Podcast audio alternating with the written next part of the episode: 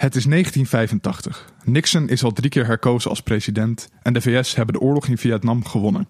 Overal rijden ook elektrische auto's rond. Is dit wat de wereld zou zijn als Superman een Amerikaan was?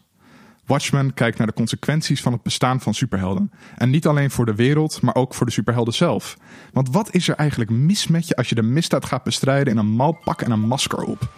Mijn naam is Tom Amoes en dit is Geeky Dingen.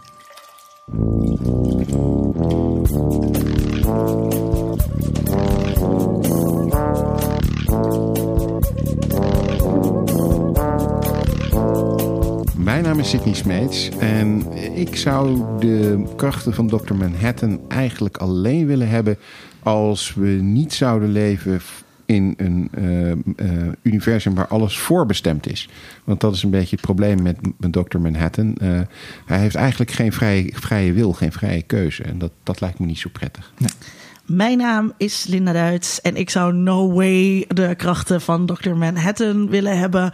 Omdat het afschuwelijk is als je altijd weet hoe alles afloopt. Mm -hmm. Ik ben Louise en ik zou ook absoluut niet de kracht van Dr. Manhattan willen. Behalve teleporteren, dat lijkt me wel handig.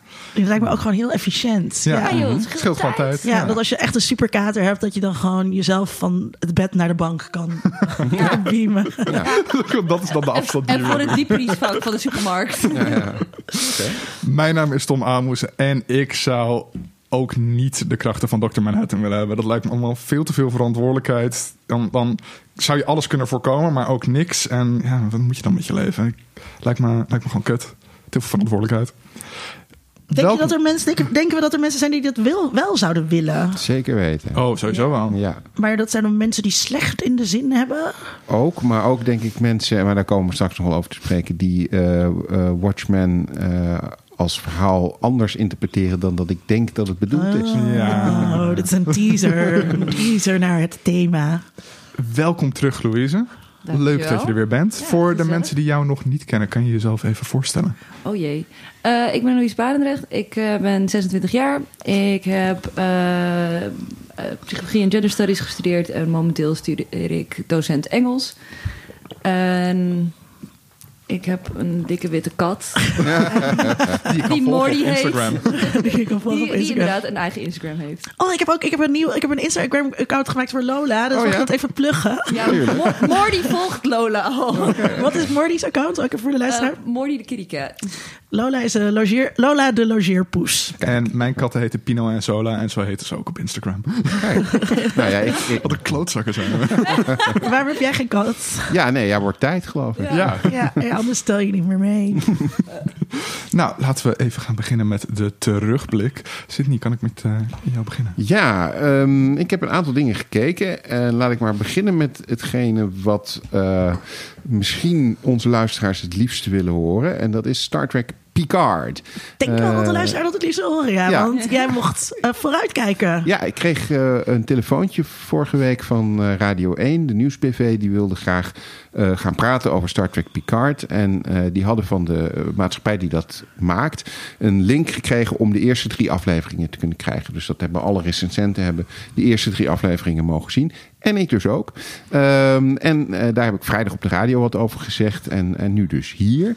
Um, het is erg goed. De eerste drie afleveringen zeg ik er nogmaals nadrukkelijk bij. Want het zou heel goed kunnen natuurlijk dat de volgende zes gewoon zwaar kut zijn. Zijn maar, ze standalone? Nee, uh, dat is het eerste wat, wat heel belangrijk is. Um, het is echt een andere Star Trek-serie dan we gewend zijn. Discovery deed het al wel een beetje natuurlijk. Hè, dat je een overkoepelend verhaal had, maar ook eigenlijk toch wel standalone afleveringen. Dat je af, Picard het heeft niet zoveel zin om zo'n aflevering los van de serie te kijken. Want het gaat echt om het verhaal. En de hele aflevering is bezig om het verhaal steeds maar verder te brengen, verder te brengen. Steeds weer een, verder een stukje van de sluier op te lichten van wat de mysteries allemaal zijn. Wat ze verder heel goed doen is dat uh, nou, het draait om, om, om Jean-Luc Picard. Dat is een hele slimme keuze. Want ik denk dat iedereen, nou ja, er zullen uitzonderingen zijn, maar vrijwel iedereen zal het met mij eens zijn dat Patrick Stewart een van de drijvende krachten van Star Trek Next Generation was. Het is een goede acteur, had ook goede verhaallijnen in die serie. Het waren altijd hele interessante uitstapjes die je met hem maakte. Het was iemand die als Picard een hele duidelijke lijn had in hoe hij naar de wereld keek en hoe hij naar Starfleet keek. Goede acteur, die is de basis van de serie, dus daar maak je het al interessant mee. Wat ze verder doen is. Is dat... hij niet te oud? Nou, hij speelt ouder dan hij is. Uh, Dus hij speelt een hele fragiele oude man, net zoals in Logan. Daar mm. krijgt ook wel een klein beetje Logan-associaties als je het de eerste keer uh, Professor kijkt. Xavier. Professor X, inderdaad. Um, dus hij speelt ouder en fragieler dan die is. Um, maar dat past wel bij uh, ja, dat deze serie zich natuurlijk ook veel la later afspeelt dan de Next Generation. Um, en wat ze verder goed doen is dat er eigenlijk alleen maar nieuwe karakters in voorkomen. In de loop van de serie krijgen we wel een aantal legacy characters te zien. Hè? Riker, Troy, Seven of Nine, uh, nog, noem maar op. Seven of Nine ook? Ja, en oh, het volgende seizoen, want er komt een tweede seizoen, oh. komt uh, Whoopi Goldberg uh, als Guinan terug. Dus dat weten we al, dat die eraan zitten te komen. Maar de serie neemt in die eerste drie afleveringen echt de tijd om je te introduceren aan de nieuwe karakters. Want het gaat om Picard, die nieuwe karakters die gaan samen op een, op een avontuur en die gaan iets uitzoeken. Dat heeft te maken met data. Dus er zit wel degelijk natuurlijk een hele duidelijke link met de Next Generation en wat we weten. Maar het is wel echt een nieuwe groep mensen en dat zijn goede acteurs, hebben ze goed gecast. Uh, en wat ik al zeg, het neemt ook de tijd. Het is niet zeg maar action-packed uh, achter elkaar doorschieten en vliegen. Het duurt ongeveer drie afleveringen voordat hij een ruimteschip heeft gevonden. Dus, Bammer. Ja, nou ja, ik vind dat wel, ik vind dat wel leuk. Het, het geeft wat tijd om, om die karakters te ontwikkelen. Um, het heeft tegelijkertijd als je de Next Generation kent, en ik denk ja, onze luisteraars die kennen de Next Generation, heel veel uh, waardering voor fans, omdat er heel veel dingen in zitten waarvan jij als fan weet wat de diepere betekenis is. Of als er een naam genoemd wordt, bijvoorbeeld de naam Bruce Maddox, dan weet een echte Next Generation fan weet wat de connectie tussen Bruce Maddox en Data is en dat hij eerder in de serie heeft gezeten.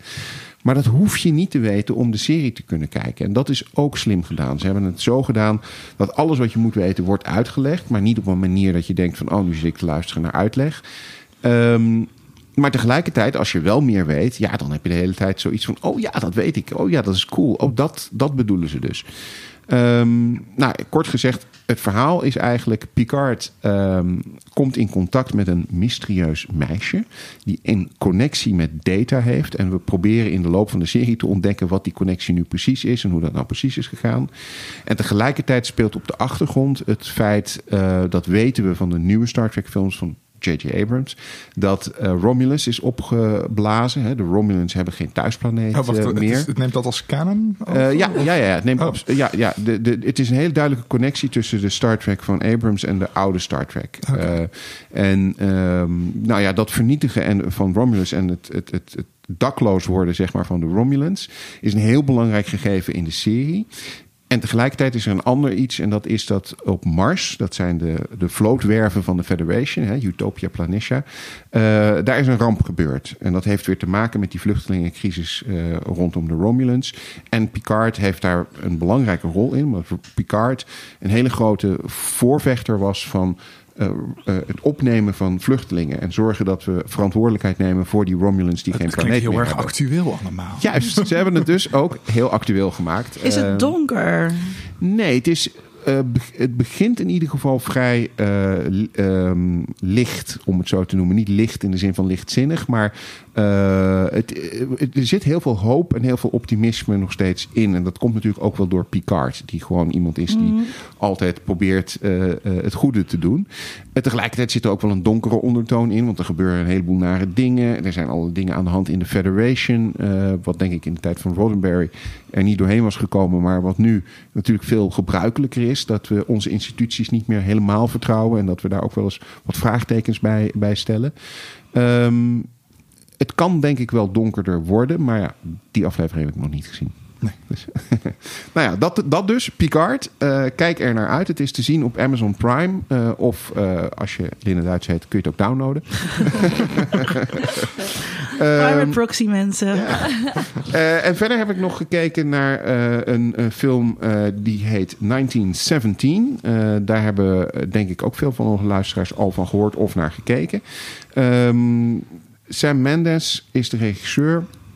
Het gaat over de Eerste Wereldoorlog. Twee soldaten krijgen een missie.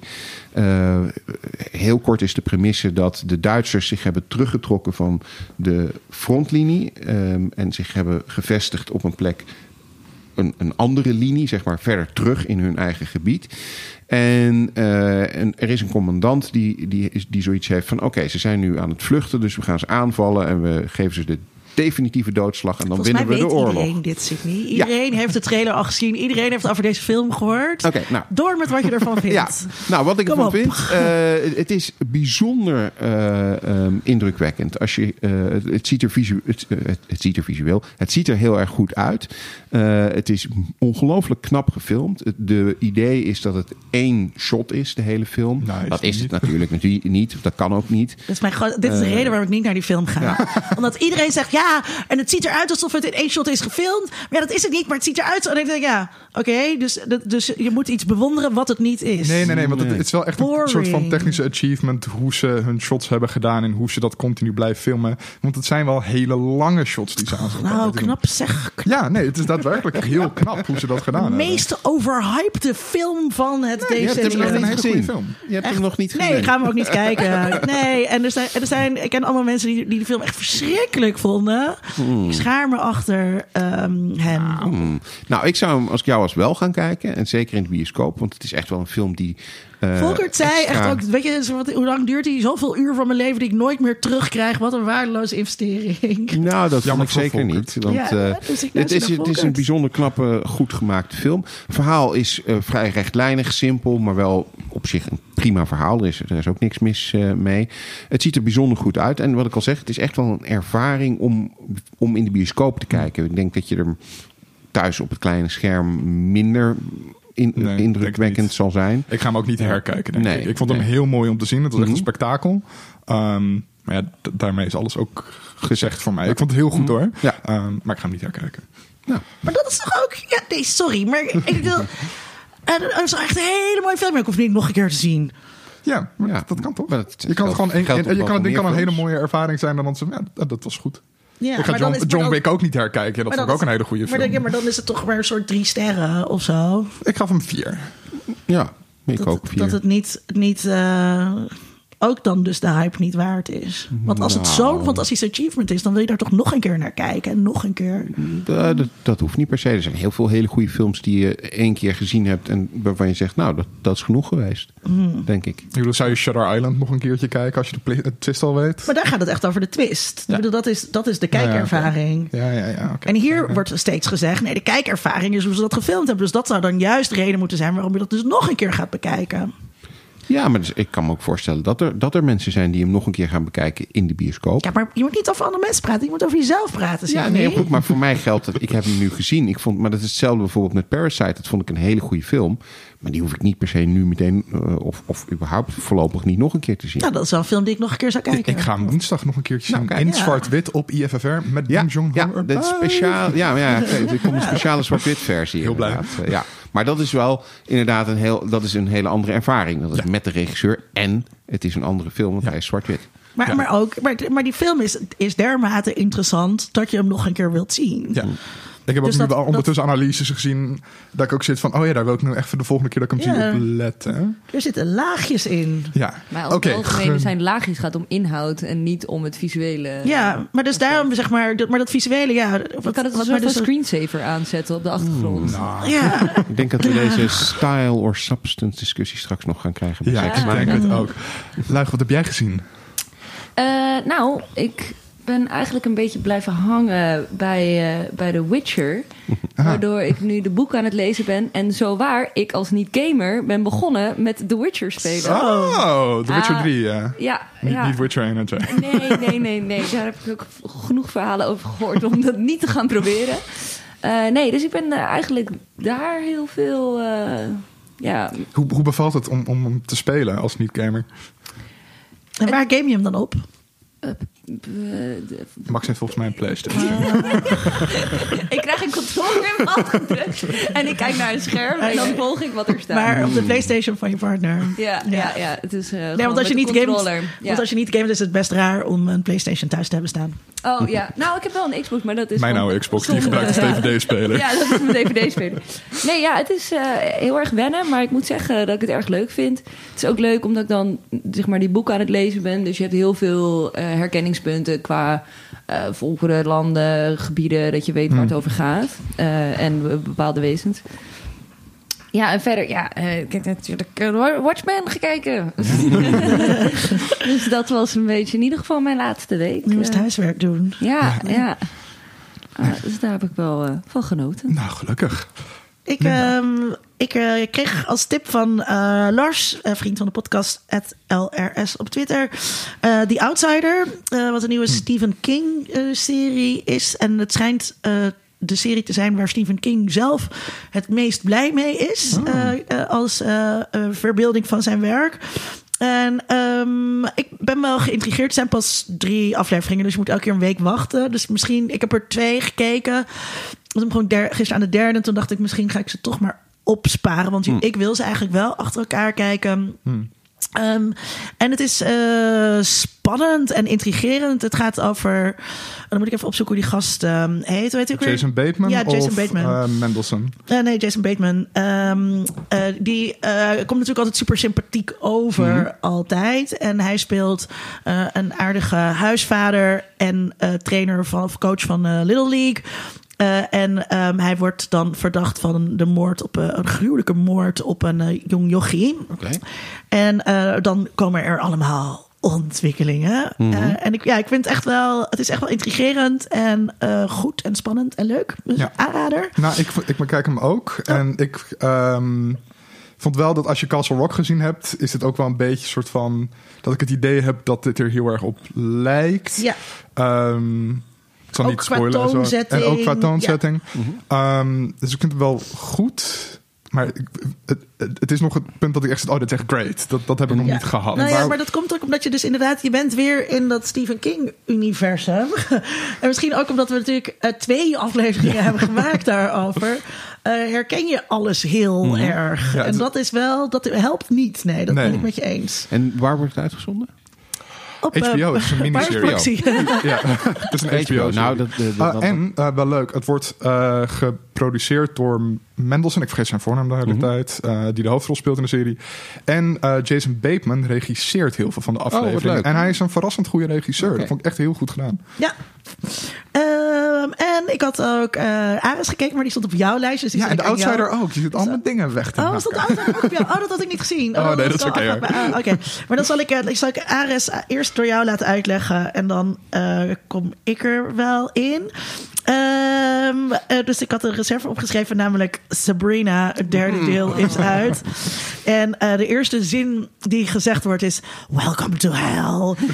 en uh, dat vat ook wel samen hoe slecht het is. Het is echt super. Ja, ik, je denkt op een gegeven moment kon het nog slechter. En, dat, en dat, dat is het. Het slaat gewoon allemaal nergens op. En wat zo. En dat, dat was eigenlijk bij het vorige seizoen ook al. Dat en het eerste seizoen ook al. Ook al, ja. Dus het is je, je suspense of. Het vraagt zoveel van je suspense of disbelief, zeg maar. Dat, dat dan. Ja, de, spoiler: Sabrina gaat nu, wordt nu de koningin van de hel. Ja. En ja, het ja dat, dat zij dan een beetje zo'n tiener is. die dat dan in één keer, weet je, gewoon even op zich neemt. Dat is ze wel nog dat knappe vriendje? Of ook niet meer? Uh, ja, die zat dus, die zat dus vast eerst, uh, oh, eerst in de hel. En dus je ziet heel erg allerlei dingen terugkomen die je bijvoorbeeld uit Buffy kent. Mm -hmm. um, ze doen een soort afgeleide van The Wizard of Oz. Um, dus er zitten heel veel popcultuurverwijzingen in, maar het is nooit aangenaam als een tribute, maar altijd een beetje vervelend. en um, wat, wat een van de dingen die ik zo dom vind, is dat uh, het is goddeloos. Um, maar dan Um, in plaats van God is alles met de duivel. Dus ze zijn nog steeds hartstikke religieuze mensen. Maar dat slaat dus dat slaat dus nergens op. Nu we vast hebben gesteld dat die duivel dus dat dat best wel een klootzak is. Dat dat niet een leuk, een leuk iemand is om te Mhm. aanbidden. Maar dan, ehm, moet, dan moeten ze, ze blijven dan de hele tijd heel Satan zeggen. En in plaats van mijn hemeltje zeggen ze dan mijn hel en zo. en dat is gewoon, ja, het, het, eh, het werkt niet. Ehm, Sabrina kan ook eh, Jedi mind tricks en zo. Weet je, dus zulke dingen dat je denkt... Het is aan elkaar gelijmd en, en eigenlijk gewoon heel slecht, maar daardoor ook wel weer heel leuk om te kijken. Dus ik ga hem ook gewoon afkijken, net als dat ik Ares heb afgekeken. Ja, ik Ja. heb Ares ook afgekeken. Yay, Eh, high five. De eerste echte Nederlandse Netflix-serie. Want we hadden eerst Hmm. al Undercover, maar dat was toch eigenlijk stiekem Belgisch. Ehm, en het gaat over een eh studentendispuut in Amsterdam. Ja. Dat eh, net te veel Ice White Shut heeft gekeken. Ehm, dus allemaal van die maskers heeft en gewaden en geheime meetings doet en zo. Ehm, en het gaat dan over een student van kleur die daar dan als waarschijnlijk de eerste student van kleur naar binnen komt. En dan gaat de serie doen alsof het allemaal heel erg over ras en het koloniale verleden gaat. Nou, daar gaat het ook over. Ja, Kom op, die maar- laatste aflevering was toch wel echt eh, VOC to the max. Ja, ehm, maar het gaat. Het, het is een serie die zogenaamd over ras en kolonialiteit gaat. Maar er wordt nooit gesproken over ras en kolonialiteit. Nee, totdat, totdat je aan het eind. Maar dit is, echt- je moet dus echt. Want, want ehm, het is echt heel slecht. En dus haakt, iedereen haakt af. Maar dat moet je niet doen. Je moet echt blijven kijken Ja. tot de laatste aflevering. Nou, En dan, eh, want dan zit je, ben je dus in één keer op een slavenschip. en er komt een soort sequentie van allemaal ehm, eh, schilderijen van de Nederlandse meesters. Versneden dus met dan met, met ja, dus koloniale beelden. Ja. En op een manier dat je denkt, waar, wat is dit? Ja, en waarom komt dit nu ineens Ja. over mij heen gestort aan het einde van de serie? gestoord, ja. ja, Ehm, ik kon er echt naar. De, de- ik heb twee afleveringen gekeken en toen had ik echt zoiets van, nou, ik stop ermee. Want Amateur. Ik, amateur, ja, ja. echt hoor. Een beetje doorzetten. Ja. VOC-mentaliteit, toch? Ja, Ja, dat is ja, natuurlijk- ja, ja, dat is- Ja, maar het is Ehm, gewoon best wel slecht gemaakt. Het is best wel slecht gemaakt. Het, het, vooral het script is gewoon heel erg slecht. Het is gewoon heel slecht geschreven allemaal. Het is ook een beetje middelmatig geacteerd.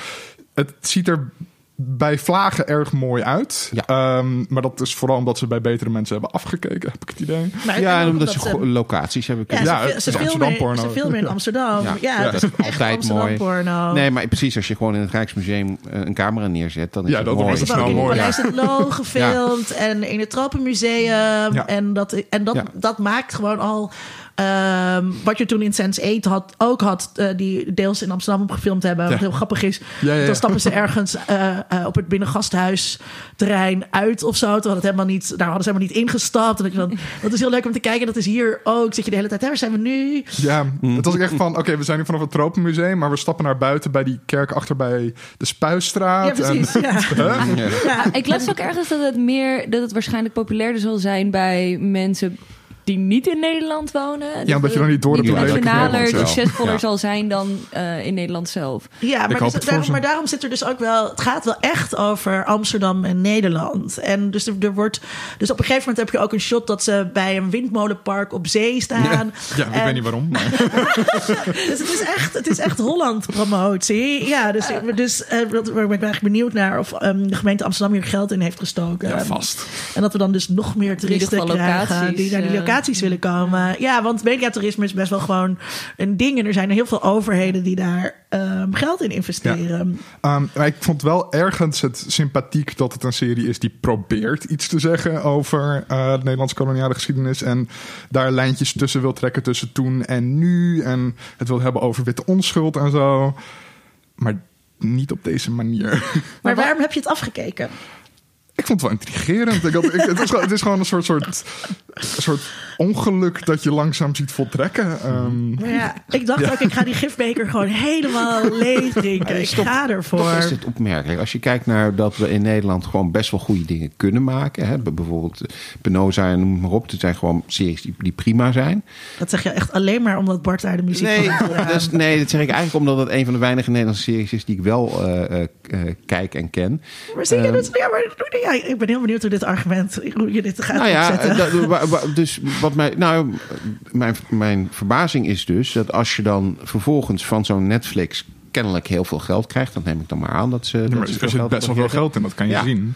Maar wa- waarom het dan niet lukt om daar gewoon een goede serie van te Ja, maken? omdat, omdat we dus in Nederland dat helemaal niet kunnen. We hebben dat Nou, de Nederlandse ja. series gewoon hartstikke kut zijn. En omdat Nederlandse acteurs Nou. niet kunnen acteren. Dat is Nee, altijd ik, ik, ik, heb- ik overdreven. heb jou hier een, een lofzang horen opsteken over die, eh, eh, die serie met, eh, met die man van Jeske Vet. Hoe heet het ook weer? Eh, Eh, Ja, die, die Brabantse misdaad. eh, oh, eh, Undercover. is dat Undercover. undercover? Oh, oké. Het is. Belgisch. Ja, Undercover is een Belgische... Het is Ja, door Belgen er ontwikkeld. Ja, allemaal Oké, het is door in. Belgen ontwikkeld. Oké, Ja. maar het is wel een Nederlandse serie. Nee, het gaat nee, over nee. Nederland. Nee, het gaat over een... En het zijn Nederlandse acteurs. Ja, voor de Het helft. grotendeels Ja. eh, Vlaamse acteurs. Oké. En, eh, maar, en ik- ja, dat was echt een de uitzondering. Ik bedoel, is daarom, ontwikkeld daarom door de was het zo'n zo'n eh, eh, verademing om dat te kijken. Nee, ik vind eh, de Nederlanders bijna altijd kut. en eh, wat je hier ziet, is dat ze hebben bedacht... zeg maar, wat, eh, wat vinden kijkers leuk? Nou, dingen met studenten Mm-hmm. And horror En dat hebben ze samen eh, gegooid. Mhm. En, het, en, het, en het is echt bespottelijk. Dus op een gegeven moment dan hebben ze... We mogen hem helemaal spoileren hier, toch? Ja, lijkt me wel. Dus ze hebben dan het idee dat je, eh, eh, dat je gaat dus bij dat genootschap. En eh, dan word je dus, eh, ja, je gaat allemaal dingen doen die slecht zijn. Hè? Dus je, je moet meteen natuurlijk, eh, eh, moet, moet er een moord ehm, eh, in de doofpot eh, gestopt worden. Die doofpot blijkt letterlijk ook te zijn. Vrij letterlijk. Die zit dus onder, het, eh, onder de sociëteit, zeg maar. Zit er, zit er een doofpot en daar wordt dus aan geofferd. En eh, je offert dus eh, op een gegeven moment, dan ben je zo zieloos. Of dan heb je zoveel dingen gedaan. Dan ga je dus offeren. En dat is een soort zwarte kots. En die moet je dan dus ook bewaren, want die moet dan dus later geofferd worden aan het wezen dat dus daaronder. Ja, dat is dus je Eh, zit. schuldgevoel. Ja. Dat, dat spuug je dus letterlijk uit. En Ja. daar komt dus het gevoel van witte onschuld vandaan. Het is een erg subtiele metafoor. Ja, en dat wordt dus ook allemaal. Gelukkig is er ook iemand die dat helemaal uit komt leggen. Ja, van die knoop die je altijd voelt in je buik. Nou, dat is dit. En als dat is gebeurd. Weet je, dus je zit daar. Het is echt inderdaad een auto-ongeluk. Je zit te kijken en dan ze één keer. Wat zie je nou? Wat komt nou? Nee, door normaal. Dit is niet echt. Ja, het is echt. Ja, Ja. Klinkt wel heel erg, ja. ja. En dan, ja. en dan is, er, is er een feestje bij eh, een eh, soort high-tech arts thuis... die natuurlijk ook van het ARES-genootschap blijkt te zijn. Mhm. En natuurlijk ehm, geven ze dan iemand een pilletje... En dat wordt dan ook altijd, wordt, vind ik altijd heel grappig, want dan moet dus altijd iemand de tong uitsteken. Ja, ja, en dan dan wordt een een pil opgelegd. En dan zonder iets om te drinken moet je zeg maar, dat kan echt. Je Ja, maar dat is echt gewoon zo'n beeld dat we kennen van LSD in de jaren 60. Ja. Ja. daar vandaan halen, maar dat werkt niet zo met andere drugs. kan je geen ecstasy slikken, dat is hartstikke vies. Dat is gewoon, je keel hangen. Ja, Maar dat, dat, Geef dat jij, jij, jij, jij zei of tweette dat volgens mij ook. Dat, dat het geschreven lijkt te zijn door mensen die deze ervaring gewoon zelf helemaal niet hebben. Ja, dus het is sowieso geschreven door mensen die dus niet gestudeerd hebben. Wat was heel grappig. Oh ja. Want op een gegeven moment dan zit ze in de collegezaal. En dan zegt ze... Staat deze informatie ook op het blackboard? Maar niemand zegt het blackboard. Nee. Dat is gewoon... Dat is echt heel En raar. Blackboard gebruiken we niet meer. Ik wou net zeggen, nu Blackboard is geen ding meer, toch? Dat, eh, nou ja, andere universiteiten hebben natuurlijk nog wel. Oh ja. U, u heeft, nog, heeft nog het Blackboard. Eh, maar, eh, of, dus staat, staat deze informatie ook op het Blackboard? Oh, dan kan ik het dus gewoon van de server downloaden. Wat ook niemand zegt over dingen van Blackboard. Dat, dat haal je van Blackboard. Je? Dus eh, dat, eh, dat valt heel erg op. En ook dus die hele studentenwereld. Of die dus co- studeren en college volgen. Dat is niet hoe het gaat. maar, ehm, oh ja, en dan hebben ze dus die pil, dan krijgen ze die pil. En dan natuurlijk volgt er dan dus een, een totaal gratuite seksscène. Ja. Eh, die dan ook weer weet je, een trio-ding is. En, Ja, want ik wou net vragen, hoe lang duurde het voordat je Tieten zag? Want het is een Nederlands. Ah, nog best lang eigenlijk. Ehm, ja. Daarom vond ik het niks. Nee, dat was wel echt een Het gemis. statement van de Nederlandse film. Ja. Ja. eh. Ja, maar misschien omdat het dan aan Netflix is dat ze dan minder doen voor de internationale markt of zo. Ik weet ik heb het geen spiemels gezien. Nee, geen enkele. Nou, nou, dan Nee. ik het niet te zien. Nee, nee, ja, dat was teleurstellend. Maar uiteindelijk toch wel. Ik, heb je er nou van genoten? Je wil wel het tweede seizoen zien. Ik, ik vond het. Ik, ik, heb er van, wel ik, blij. ik heb hem in een weekend gekeken. En dat was gewoon een prima invulling van mijn weekend. Ik, ik, heb er geen brak spijt van. Ja, dat is wel iets dat je brak kijkt. Ja. Oh ja, oké. en ik denk misschien ook wel met iemand anders. Want ik, wou- ik, ik wou dus alles, alles twitteren. Want ik keek het in mijn eentje, maar omdat het zo absurd is, het is wel echt leuk om dat samen met Ja, ik heb gewoon met. Jasmine Net gekeken. En we zaten gewoon de hele tijd zo van... Nee, dat was leuk. Ah, ja, Yes, we hebben net zo lang gepraat over Ares als over uh, 1917.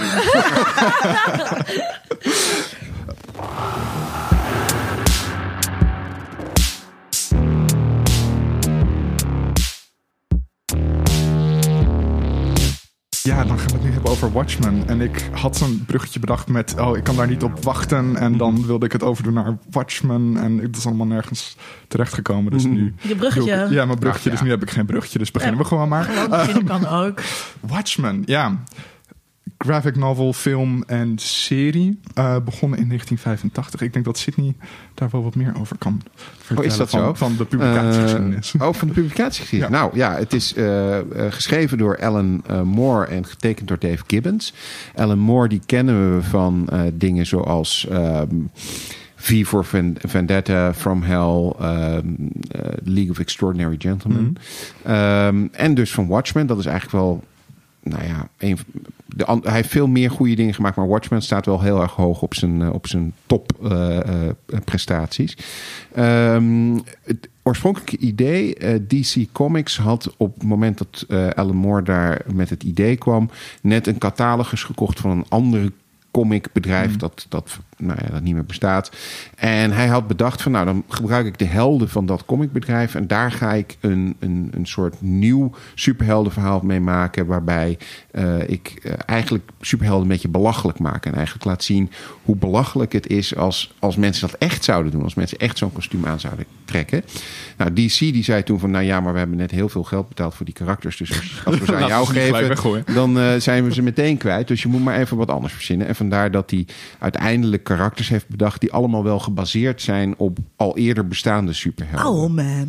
Ja, precies. Hè? Dus bijvoorbeeld uh, uh, Night Owl, dat, dat is gebaseerd natuurlijk deels op, op, op Batman, maar ook op hmm. andere figuren. En zo zijn er meer. Als je die naast de oorspronkelijke, tussen aanhalingstekens, karakters legt, dan lijken ze er ook heel erg op. En ehm, nou ja, het is toen uitgebracht 12 issues, uh, uh, losse issues. Um, en enorm aangeslagen. En later natuurlijk als, uh, als verzameling uitgebracht. En daarom noemen we het een graphic novel. Maar eigenlijk waren het 12 losse issues. Hmm.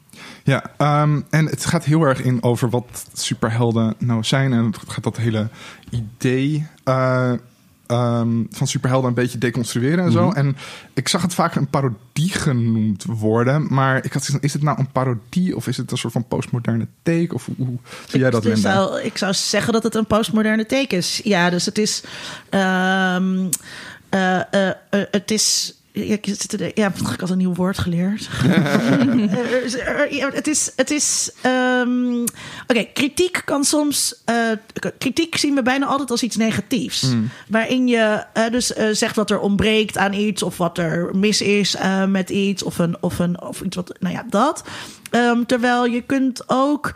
Um, dat, dat, dat maakt kritiek eigenlijk niet zo interessant. Mm En je kunt. Think bad is geen leuk ding om te zeggen over. Precies, ja. En wat Watchmen volgens mij doet is dus een soort van deconstructie. Dus, dus gaat kijken naar wat is een superheld. En dat trekken we uit elkaar. En hoe zou dat dan, hoe zou het anders eh, kunnen? Of wat zijn de consequenties ervan als je hem doordenkt? Waardoor het dus niet een kritiek. Het heeft wel eh, elementen van kritiek. Um, en het is zeker ook geen eerbetoon. Uh, maar het is een doorwerken op.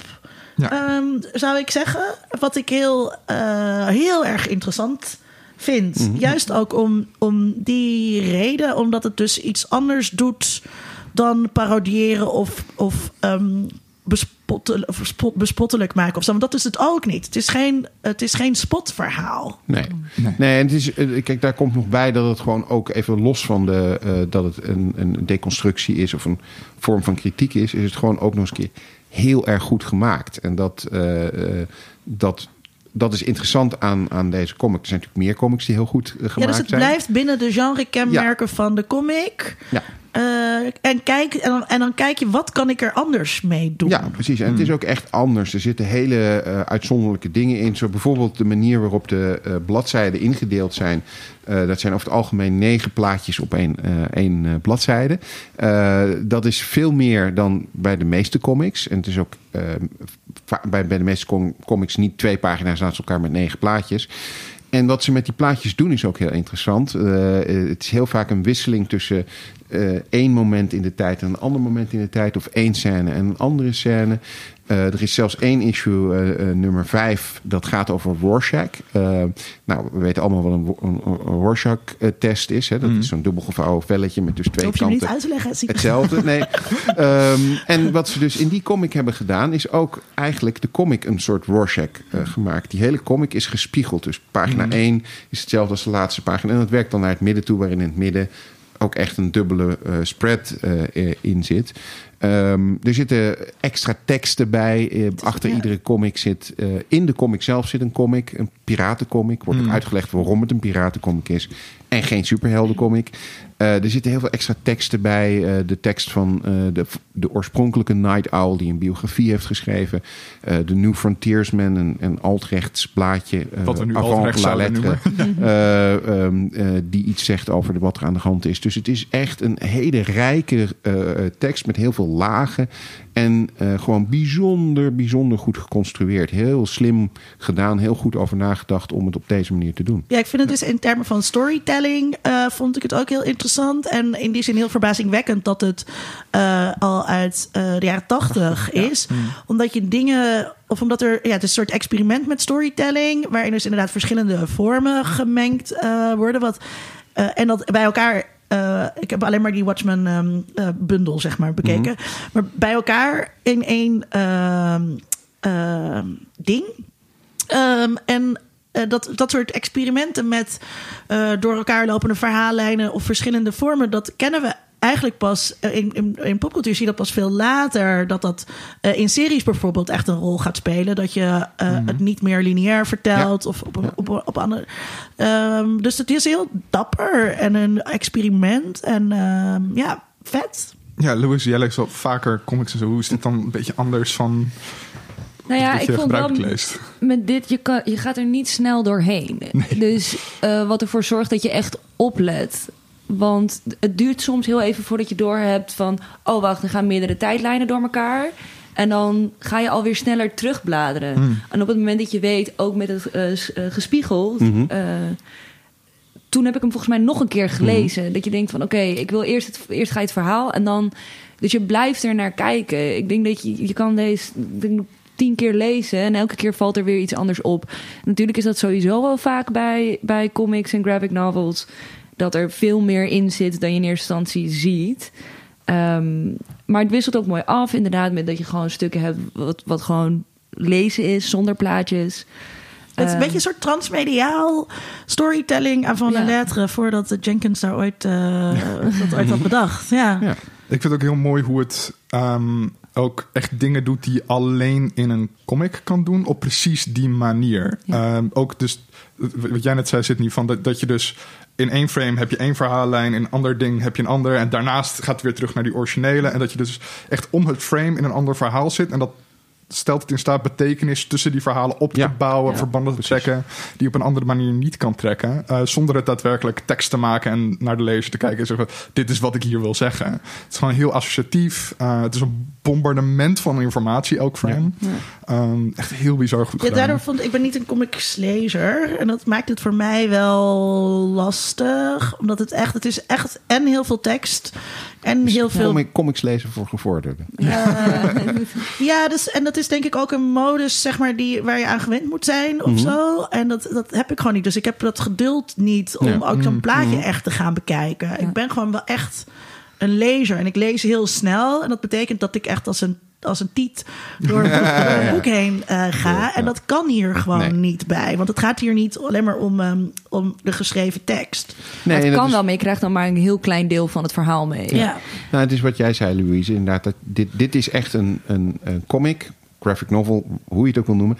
Die, die uh, de, de lezer uh, beloont als je hem meermaals leest. Ja. Want uh, er zitten inderdaad ook in uh, tekeningen uh, kleine dingen die ook niet zo heel super belangrijk voor het verhaal zijn, maar die wel heel interessant zijn. Bijvoorbeeld is een scène waarin ze in een restaurant, waarin ehm, Dan en Laurie in een restaurant zitten, die gaan met elkaar eten. En dan staat er een kip op tafel met vier poten. Mm. Want de poot van de kip is het lekkerste. En we leven in een maatschappij waarin we inmiddels een soort van uh, manipulatie van DNA hebben. Dat zien we later ook bij Ozymandias. Nou, dat zijn wel van die kleine details die je pas eigenlijk ziet. Tenminste, voor mij geldt dat uh, op het moment dat je het opnieuw gaat lezen. Want de eerste keer ben je mm. inderdaad met het verhaal bezig. En dan ben je niet een YouTube-video erover kijkt. Of een YouTube-video erover kijkt, inderdaad. Nou, die, die kip komt ook weer in Zack Snyder's film terug. Maar daar hebben we het misschien straks nog over. Um, en zo zijn er ook heel veel dingen op, op, op, op kleine uh, stukjes uh, in, in een panel. Uh, een, op, een, op een voorpagina van een krant waar dingen staan. Die weer extra diepgang, extra lagen aan dat verhaal geven. Ja, en ik denk ook wat jij net zei, Tom, van dat het wat doet wat alleen in een, in een comic kan. Het, zeg maar in series en films proberen ze dat natuurlijk ook vaak door met scènes heen en weer te flippen. Maar het geeft in een comic veel meer rust. Omdat je mhm. gewoon de tijd hebt om het te vergelijken. En een soort mhm. van dat het letterlijk naast elkaar ligt. Ja, en je kan ze eerst los van elkaar lezen, dan weer naast elkaar lezen. Ja, en dan in een andere volgorde. En ook met die teksten die je dan aan het einde van hoofdstukken hebt. Ik heb meerdere malen gehad dat ik dan zo'n tekst had gelezen en dan toch weer even terug ga bladeren van... Oh. Ja, dat is reframe dingen weer, ja. Ja, dus het, het, het blijft de hele tijd iets toevoegen, ook om terug te bladeren. Maar dat is wel, vind ik wel interessant dat die lineariteit, waar je bij bewegend beeld eigenlijk automatisch aan vastzit. En zij een game uh, speelt, omdat je dan natuurlijk uh, terug kan lopen. Um, dat is wel heel uh, bijzonder dat ze, dat, dat ze dit dus zo goed hebben weten te doen. Of zo, zo goed gebruik hmm. hebben weten te maken van de mogelijkheden die een comic ja. biedt. Want dat is, het is verder toch niet iets wat um, uh, gebruikelijk is. Nee, volgens mij ook nog steeds niet. Want het is natuurlijk een gigantische investering van tijd en moeite om inderdaad er zo naar te kijken. Het is ook wel grappig dat je in hoe de twee makers, Alan Moore en Dave Gibbons, Alan Moore schrijver, Dave Gibbons, de tekenaar, ook heel anders erin zaten. Voor Dave Gibbons was dit echt een technisch ding. Hij was echt van: ik wil kijken hoe ver ik de vorm van comics kan pushen, wat voor nieuwe dingen ik hiermee kan doen. Um, en Alan Moore zat heel erg in het soort van politiek-filosofische van wat, wil ik, wat voor ideeën wil ik uh, uit gaan werken, wat wil ik met deze karakters gaan doen en zo. Um, en zelfs al hadden ze dus allebei hun, totaal losse interesses en, en, prioriteiten met het project, is dat heel mooi bij elkaar gekomen en speelt dat heel mooi van elkaar af. Wat, wat was de receptie uh, in de jaren tachtig? Lyrisch, volgens mij. Ook onder comic fans. Ja. Ja, want dit, ja, dit hadden ze nog nooit gezien. Ik bedoel, volgens mij is graphic novel ook een term die pas later in zwang is gekomen. Juist door wat onder andere Alan Moore uh, heeft gedaan in die tijd. Dus dat hij comics literatuur heeft weten te maken. Volgens mij is Watchmen ook nog steeds de enige comic die een soort van The Guardian's top 100 van Engelse literatuur aller tijden staat. Mm um, ja, en de, staat op de cover van, het, van, het, van, de, van de graphic novel zelf staat ook dat het in de Time magazine's top 100 beste romans staat. Dus niet comics, maar romans. Ja. Nee, dus daar, daar zie je al aan dat... Maar, nee, maar wacht, nee, want dat is geen antwoord op mijn vraag. Kijk, dat, uh, dat is juist, dat is juist een beetje naar dat, dat de recensenten van Times dat dan in één keer ja, wel gaan ja, vinden. Ja, ja, en dat gaan toe eigenen. En dat is weet je net als dat um, mensen dat, nou ja, dus kan je nu ook bijna niet meer voorstellen. Maar tien jaar geleden, weet je, kon je ook niet uh, met televisie aankomen. Maar kon je wel zeggen, ja, kijk de Sopranos. Ah, ja, ja. Weet je wel dat dat, dat in één keer oké was voor NRC-lezers of zo. Ja. Um, en dat heeft te maken met de emancipatie van de media. Maar dat vind ik dus niet zo interessant wat die, wat die highbrow mensen ervan vinden. Nee, mm wat vonden comiclezers? Want ik kan me ook voorstellen dat die zeiden, maar dit is een brug te ver voor mij. Of nee. Is... nee, nee, dus dat het, het, heeft heel goed verkocht destijds. Het heeft uh, uiteindelijk ook een prequel gekregen en een sequel. Niet door Alan Moore en Gibbons mm zelf. Ook wat minder goed ontvangen. Uh, omdat uh, ze dus zaten, die franchise kunnen we lekker uitmelken. En fans zaten, nee dankje. Um, um, dat zouden fans vaker moeten zeggen. Ja. ja. nou, ik, ik denk, ook... Oh, sorry. Ja, ik denk ook dat er een verschil zit, omdat ze uitgebracht zijn als losse issues. Mm -hmm. Ik denk als ze het uh, in één klap als een bundel... dat het dan misschien meer soort van backlash zou krijgen. Want dan is het ineens heel iets anders. Ja. Maar nu was het natuurlijk wel dat je elke keer de volgende wilt lezen. Uh, en dat het toch wat wel op een comic lijkt. En, en waarom zijn ze daar dan? Waarom zijn ze daarmee, daarmee gestopt dan? Dan was het verhaal af. Ja. ja. ja. Het is altijd. Een miniserie, ja, het is altijd. Het is ook ex, uh, 12 vanwege de, de klok. klok ja. Dus het, het telt echt af naar het einde. Ja. En dus ja, dan is het klaar. Maar ik denk ook met ja, Disney. Ja, het is klaar. Ja, met dit, je, je moet weten waar je eindigt. Anders kan je niet zo een verhaal schrijven als dit, wat zo niet lineair is. er is geen ruimte voor improvisatie en uitbreiding. Naar ja, en ik denk eh, ook omdat het, uh, wat, wat, wat Linda ook al aanstipt aan het begin, uh, het, is, het, het, het is een soort van kritiek of een deconstructie van, de super, van het superhelden-genre. Maar het is tegelijkertijd ook een superheldencomic. Uh, het is ook een comic. Uh, Alan Moore is een comicschrijver. Uh, het is niet zo dat hij comics haat of zo. Of dat hij zegt comics zijn, zijn niet op hetzelfde niveau als iets anders. Dus als comicboekfan zit je ook niet te lezen met het idee van... oh, nu ben ik iets aan het lezen wat eigenlijk heel veel kritiek heeft... op wat ik nou allemaal zo leuk vind. En daarnaast waren er en zijn er ook heel veel lezers die ehm, ja, hier iets heel anders uithalen dan wat denk ik, dus de auteur is dood, maar wat denk ik Ellen Moore ermee bedoeld heeft. Want, kan niet, hè? Je kan niet, uh, kan niet alle twee zien, niet? Nee, dat weet ik. Maar, wat, weet ik, maar... Uh, maar ja, praat is voor andere mensen. Wat halen die andere mensen er dan nee, uit? Nee, nee, kijk, ik, wat we weten, en daar komen we waarschijnlijk bij Zack Snyder nog wel uh, op, ja. is dat er, kijk, als je kijkt naar uh, Rorschach in, in dit verhaal, maar eigenlijk alle karakters Ook in dit verhaal. Uh, dat, dat zijn geen aardige uh, mensen waar je van zou moeten ambiëren dat, je dat, dat dat je ideaal is of zo. Of dat zijn geen helden. Eh, hmm. Maar er zijn uh, best wel veel lezers die bijvoorbeeld Rorschach wel als de held van het verhaal uh, zien. Of de comedian hmm. als iemand zien die, die, die eigenlijk zo slecht nog niet, niet is. En wie zijn die mensen? Nou ja, de fanboys. de mensen die later denk ik in Comicsgate betrokken zijn geraakt. en Zack Snyder. Ja, maar ik heb ook... Comicsgate? Uh, ja, nou ja, we hebben natuurlijk... rond Gamergate. Ja, Gamergate heb je ook een Comicsgate. Dus hetzelfde oh. eigenlijk. Ja. ja, dus heel veel misogyne fans die vrouwelijke schrijvers en uh, gay schrijvers en schrijvers van kleur allemaal aan gingen vallen omdat hun comics politiek zouden zijn. maar deze, deze gasten schrijven ook niet, zijn ook niet... Vrouwen zijn ook alleen maar hun seksualiteit, toch? In, uh, in de, deze comic. In deze comic wel, ja. En dat is ook waar um, David Lindelof mm -hmm. in de serie ook heel erg nadrukkelijk afstand van heeft genomen uiteindelijk. Dat is wel te zien, ja. ja.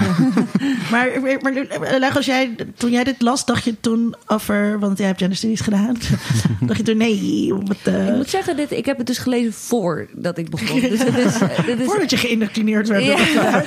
nee, dus het was al verder voor. Um, ik, ook toen was het niet.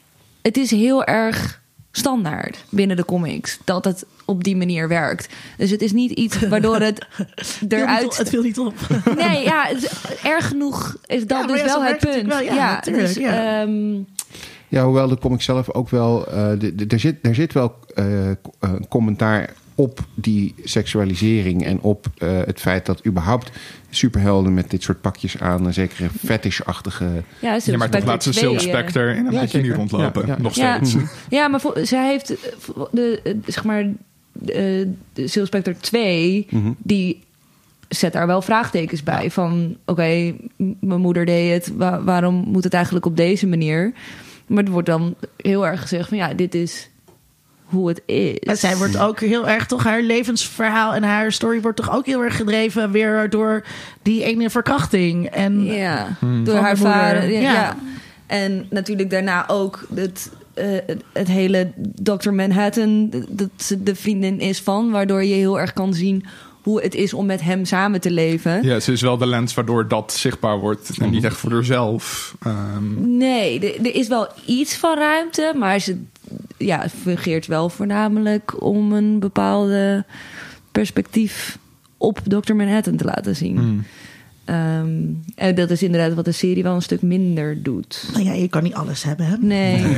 maar ja, wat, wat zeiden wij? Hij komt uit uh, jaren ja, 80. ja. ja. ja. Dus dat um, maakt het ook... Dat het toen gewoon een stuk normaler was. Helaas. Helaas. Ja. Uh, want het is ook uh, zeer wit. Ja.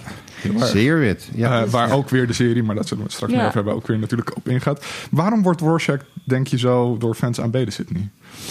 Nou, uh, ja, door denk, sommige fans. En, en uh, dat, dat, kijk, Warshak is los van het feit dat hij een totaal geschifte uh, uh, psychopaat uh, is en, en, en, en hele, hele nare dingen doet, gewoon wel heel cool.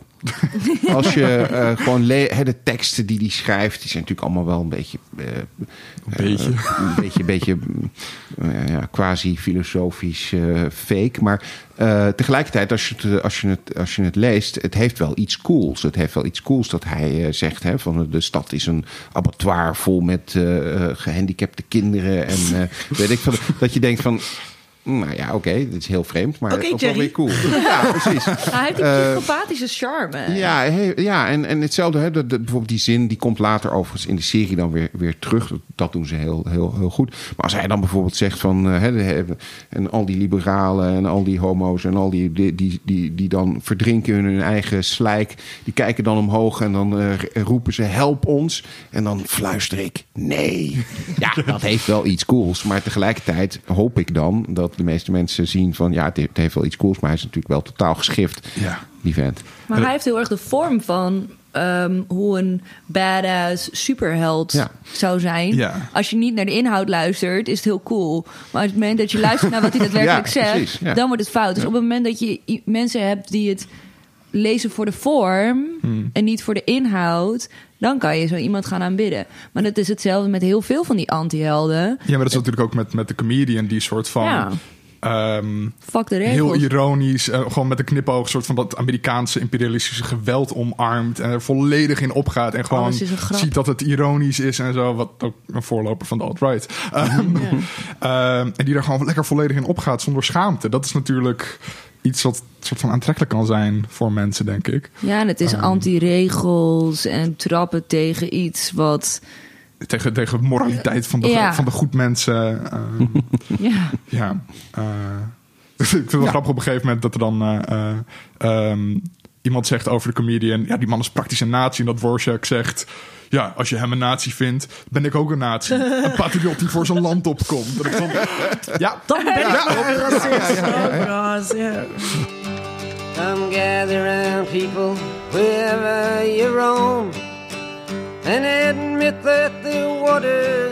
ja, en dan over de filmadaptatie van Zack Snyder, die wel daar echt volledig in leunt. Dat uh, de, de, comedian en Rorschach misschien wel coole guys zijn. ja. de film is gewoon... Ik ging dus de film kijken omdat het moest.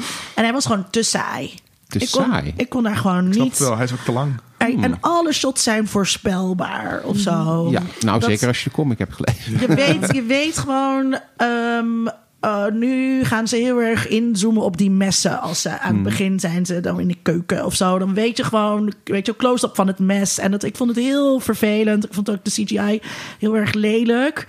En um, uh, ik was erover aan het klagen. En toen zei Sonny Kemkes, vriend van de podcast, um, dat um, Dr. Manhattan's piemel in beeld zou komen. Toen dacht ik, daar wil ik wel voor blijven kijken.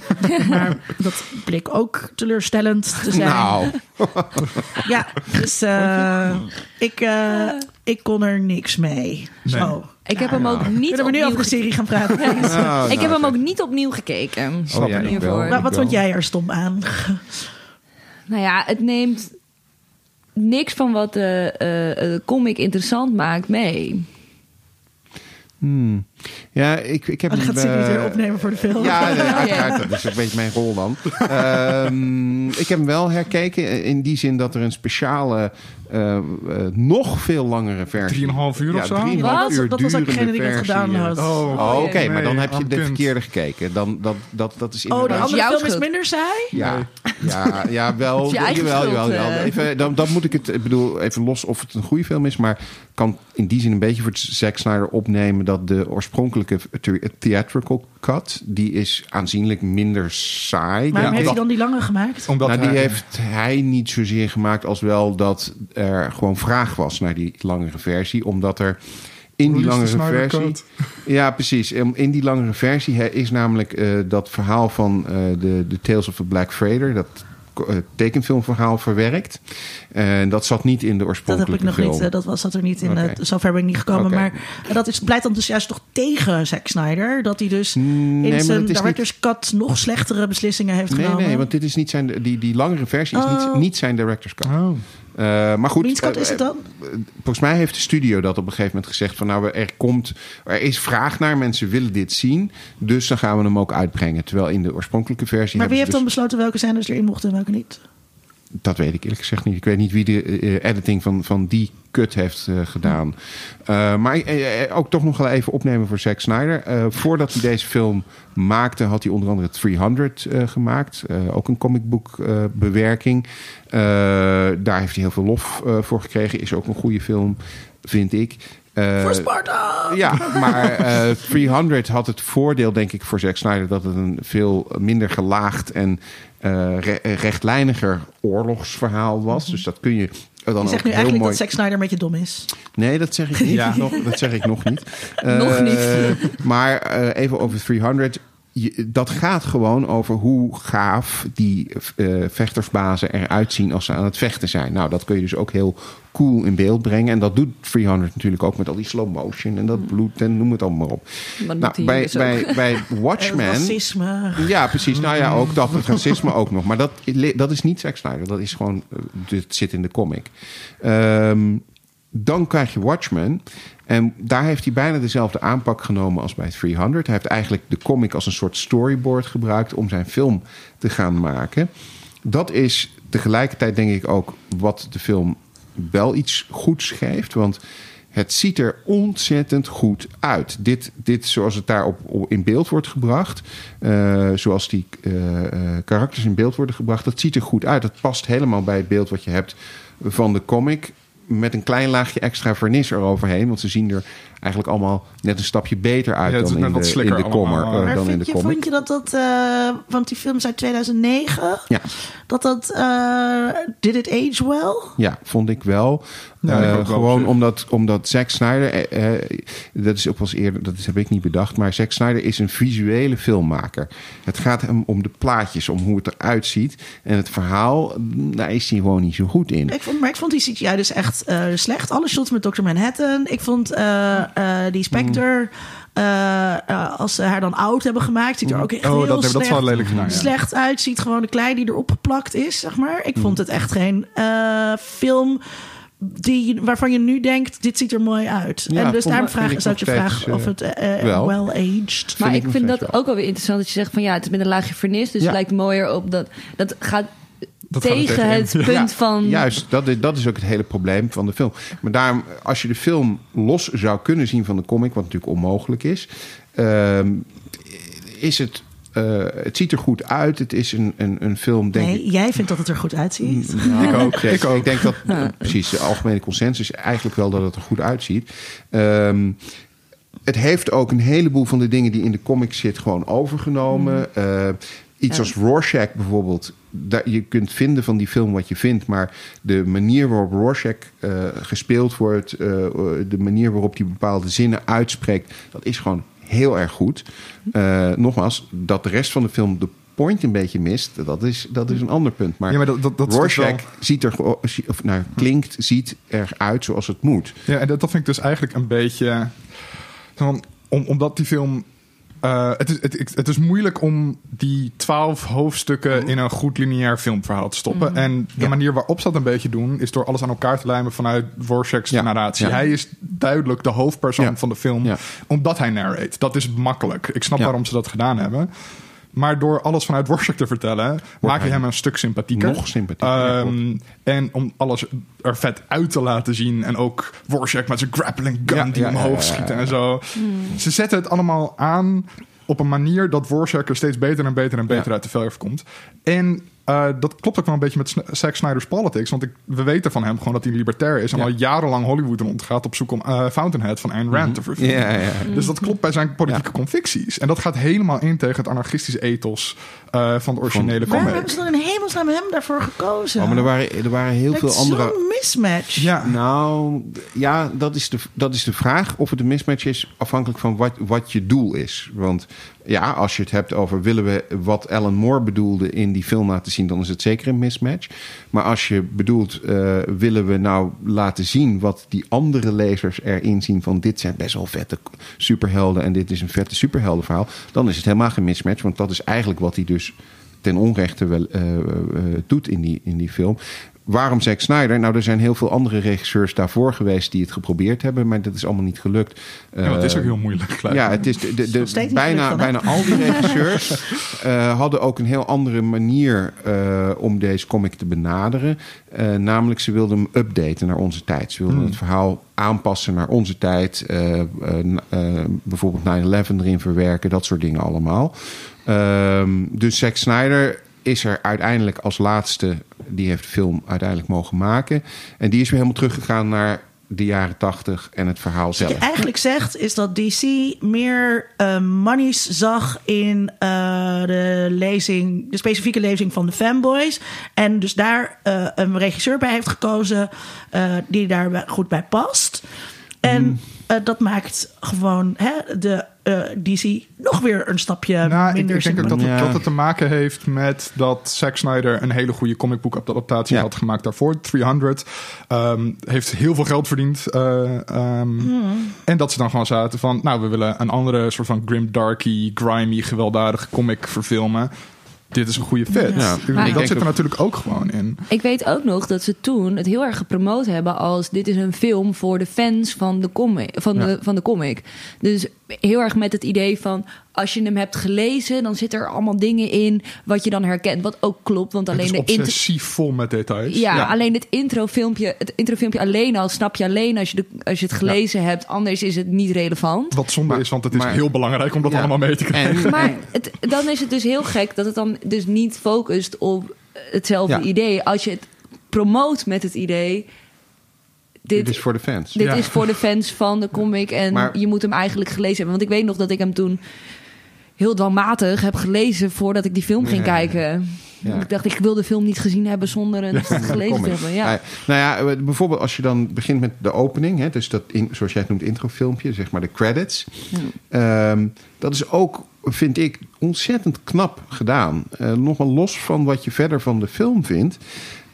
Om die uh, backstory die in het verhaal uh, in de comic zit, op zo'n manier, zo snel, zo kort, maar wel heel ook visueel uh, aan. Ik vond dat echt heel goed gedaan. Ja, mooi, ja. Goede muziekkeuze ook, vind ik erbij. Dat is ook typisch iets van Zack Snyder. Ja. Um, dat, dat is, nou ja, ik wil niet zeggen briljant, maar het is wel behoorlijk goed gedaan. Goed gedaan. Het gaf wel heel erg ook het gevoel mee van dat verhaal. Ja, ja want het is ook. Watchmen is natuurlijk ook zelf een gigantisch nostalgische comic die ja. terugkijkt. Het, voelt als een sequel op een comic die je nooit gelezen hebt. Ja. Um, en ze proberen dat originele verhaal er ook in te vertellen. En het is nostalgisch voor die tijd of zo. En de manier waarop Zack Snyder dat in beeld brengt, klopt precies met mijn idee of het gevoel dat ik er daarbij heb in die comic. Nou gaat hij in de rest van de film totaal de mist in, maar hij zet de toon goed neer aan het ja. begin. Ja, ja en, en wat ik zeg, ik vind dus gewoon de hele film als geheel is problematisch, mist ook het punt, is ook jammer. Heb bijvoorbeeld ook het gegeven dat deze superhelden hebben geen superkrachten, behalve Dr. Manhattan. Zijn het gewoon mensen die een raar pakje aantrekken. Ja, maar niet in de film. Maar inderdaad, in de film uh, zijn het gewoon supermensen. Want ik bedoel, hè, dat begint al bij die openingsscène waarin ze door muren heen slaan. Ja. Weet ik veel wat allemaal. Ja, dat is niet de point van... Mogen we nu uh, over de serie praten, please?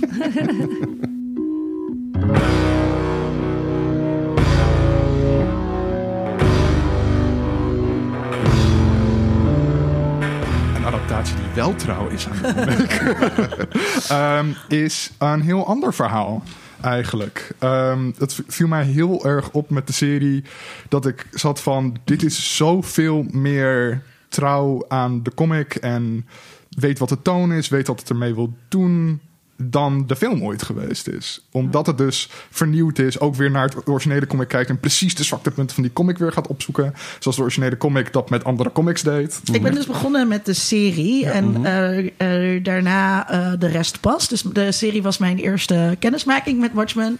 En omdat jullie zo hadden zitten zeiken dat ik het moest kijken, ging ik het kijken. En um, het is heel verwarrend. Het is echt, als je dus niks uh, weet, is het echt heel erg. Wat de waar de fuck zit ik naar te kijken? En het is wel meteen uh, intrigerend en tof. Mm, maar het vraagt wel veel van je. Wie is die naakte blauwe man ineens? ja, en, en wat doet Jeremy Irons daar nou? Waar is hij überhaupt? Ja. En um, dat, dat, um, um, maar dat maakt het ook uh, heel uh, bevredigend, zeg maar. Op het moment dat je het gaat zien. Mm -hmm. uh, denk je, oh, oh, oh. En dan komt alles heel mooi samen. Dus ik vond dat um, uh, vanuit die kijkervaring van dus niks weten... Mm -hmm. Vond ik dat heel goed. En dus ook dat al die verhalen door elkaar lopen. En hoe ze dus samenkomen. Um, en nu ik dat dus beter kan plaatsen, vind ik dat een enorme prestatie. Hoe ze dat dus hebben Mhm. weten te doen in uh, een serie waar je dus vastzit aan lineariteit. Mhm. Ja. Nou ja, wat, wat er ook heel knap aan is, is dat ze. Uh, ondanks dat het een heel nieuw verhaal is, uh, toch echt heel veel dingen uit de comic nog in de serie Mhm. hebben gestopt. Uh, uh, dialogen die komen gewoon rechtstreeks uit de comic. Die zijn wel in een andere context nu geplaatst. Die komen rechtstreeks uit de comic. He, bijvoorbeeld als die uh, Seventh Cavalry begint met hun boodschap te verkondigen. Mm. Ja, dat komt rechtstreeks uit Rorschach's Journal. Weliswaar met een update. Uh, maar ook visueel uh, zitten er heel veel dingen in die gewoon uit de comic uh, terugkomen. Maar zelfs bijvoorbeeld dat inderdaad het verhaal van Jeremy Irons, wat zich eigenlijk ja, een soort van op een, op een ander moment afspeelt dan de, dan de serie, waar je pas later achter komt dat dat uh, zo is. Ja, het past natuurlijk heel erg in de manier waarop de comic ook uh, omging met andere tijdlijnen en andere verhalen. Heel erg er in die geest. Zitten. Heel erg in de geest van de comic uh, gemaakt. Er was ook nog zelfs een uh, PDpedia. Oh ja. Oh, ja. je hebt op een gegeven moment gaat Laurie, um, die gaat als FBI-agent naar Tulsa toe. En die neemt dan een, een jonge FBI-agent met, met zich mee. En dat is Petey. En, uh, Dolph Petey. Ja, die gaat uh, vervolgens een, een PDpedia bijhouden. Dat zie je in de serie niet. Maar als je dus op, de, op, op, op, op internet gaat kijken... dan zie je daar allemaal aanvullende informatie. Net zoals achter in de comics iedere keer aanvullende informatie uh, Transmediaal storytelling. Ja. Ja. Ik vind het ook heel leuk dat... Um, Piri dan op een gegeven moment gewoon verdwijnt uit de serie. En dat er ook op Wikipedia staat dat Piri weg is en ja. uh, voortvluchtig is. En dat je dan achterkomt dat hij Loopman is. Ja, Loopman. Ah. Ja. Dat is heel leuk. Loopman? Uh, Loopman, op een gegeven moment is er een guy in een zilver pak... Ja. Die, um, die, die gespot wordt oh. en dan wegrent en allemaal flesjes over zichzelf heen squirt en dan een riool inglijdt. Daar hebben ze het verder nooit over. Nee, uh, ik niet en dat is Het was heel raar. Heel raar.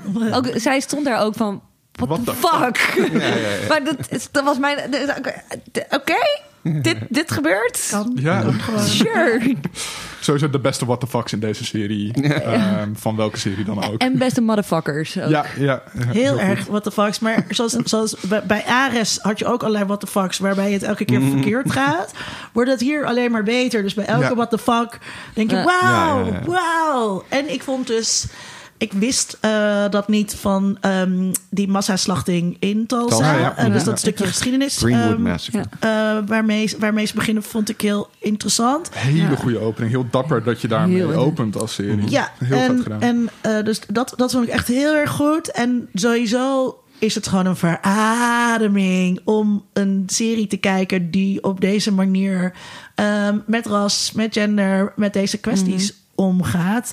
Want ik vond het gewoon heel erg progressief. Ik vond het echt een hele Zeker. progressieve ja. -hmm. serie. Ja, ja de, de um, Damon Lindelof heeft ook uh, ook hier, net als bij uh, Chernobyl van dezelfde maker, uh, dus Linda zal het, zal het waarschijnlijk fantastisch vinden, is er een, uh, een podcast gemaakt die per drie afleveringen met de maker Damon Lindelof praat over de afleveringen en wat ja. daar nou in Waarom gebeurt. Doe je me dit aan? Mm, ja, weet ik, weet ik.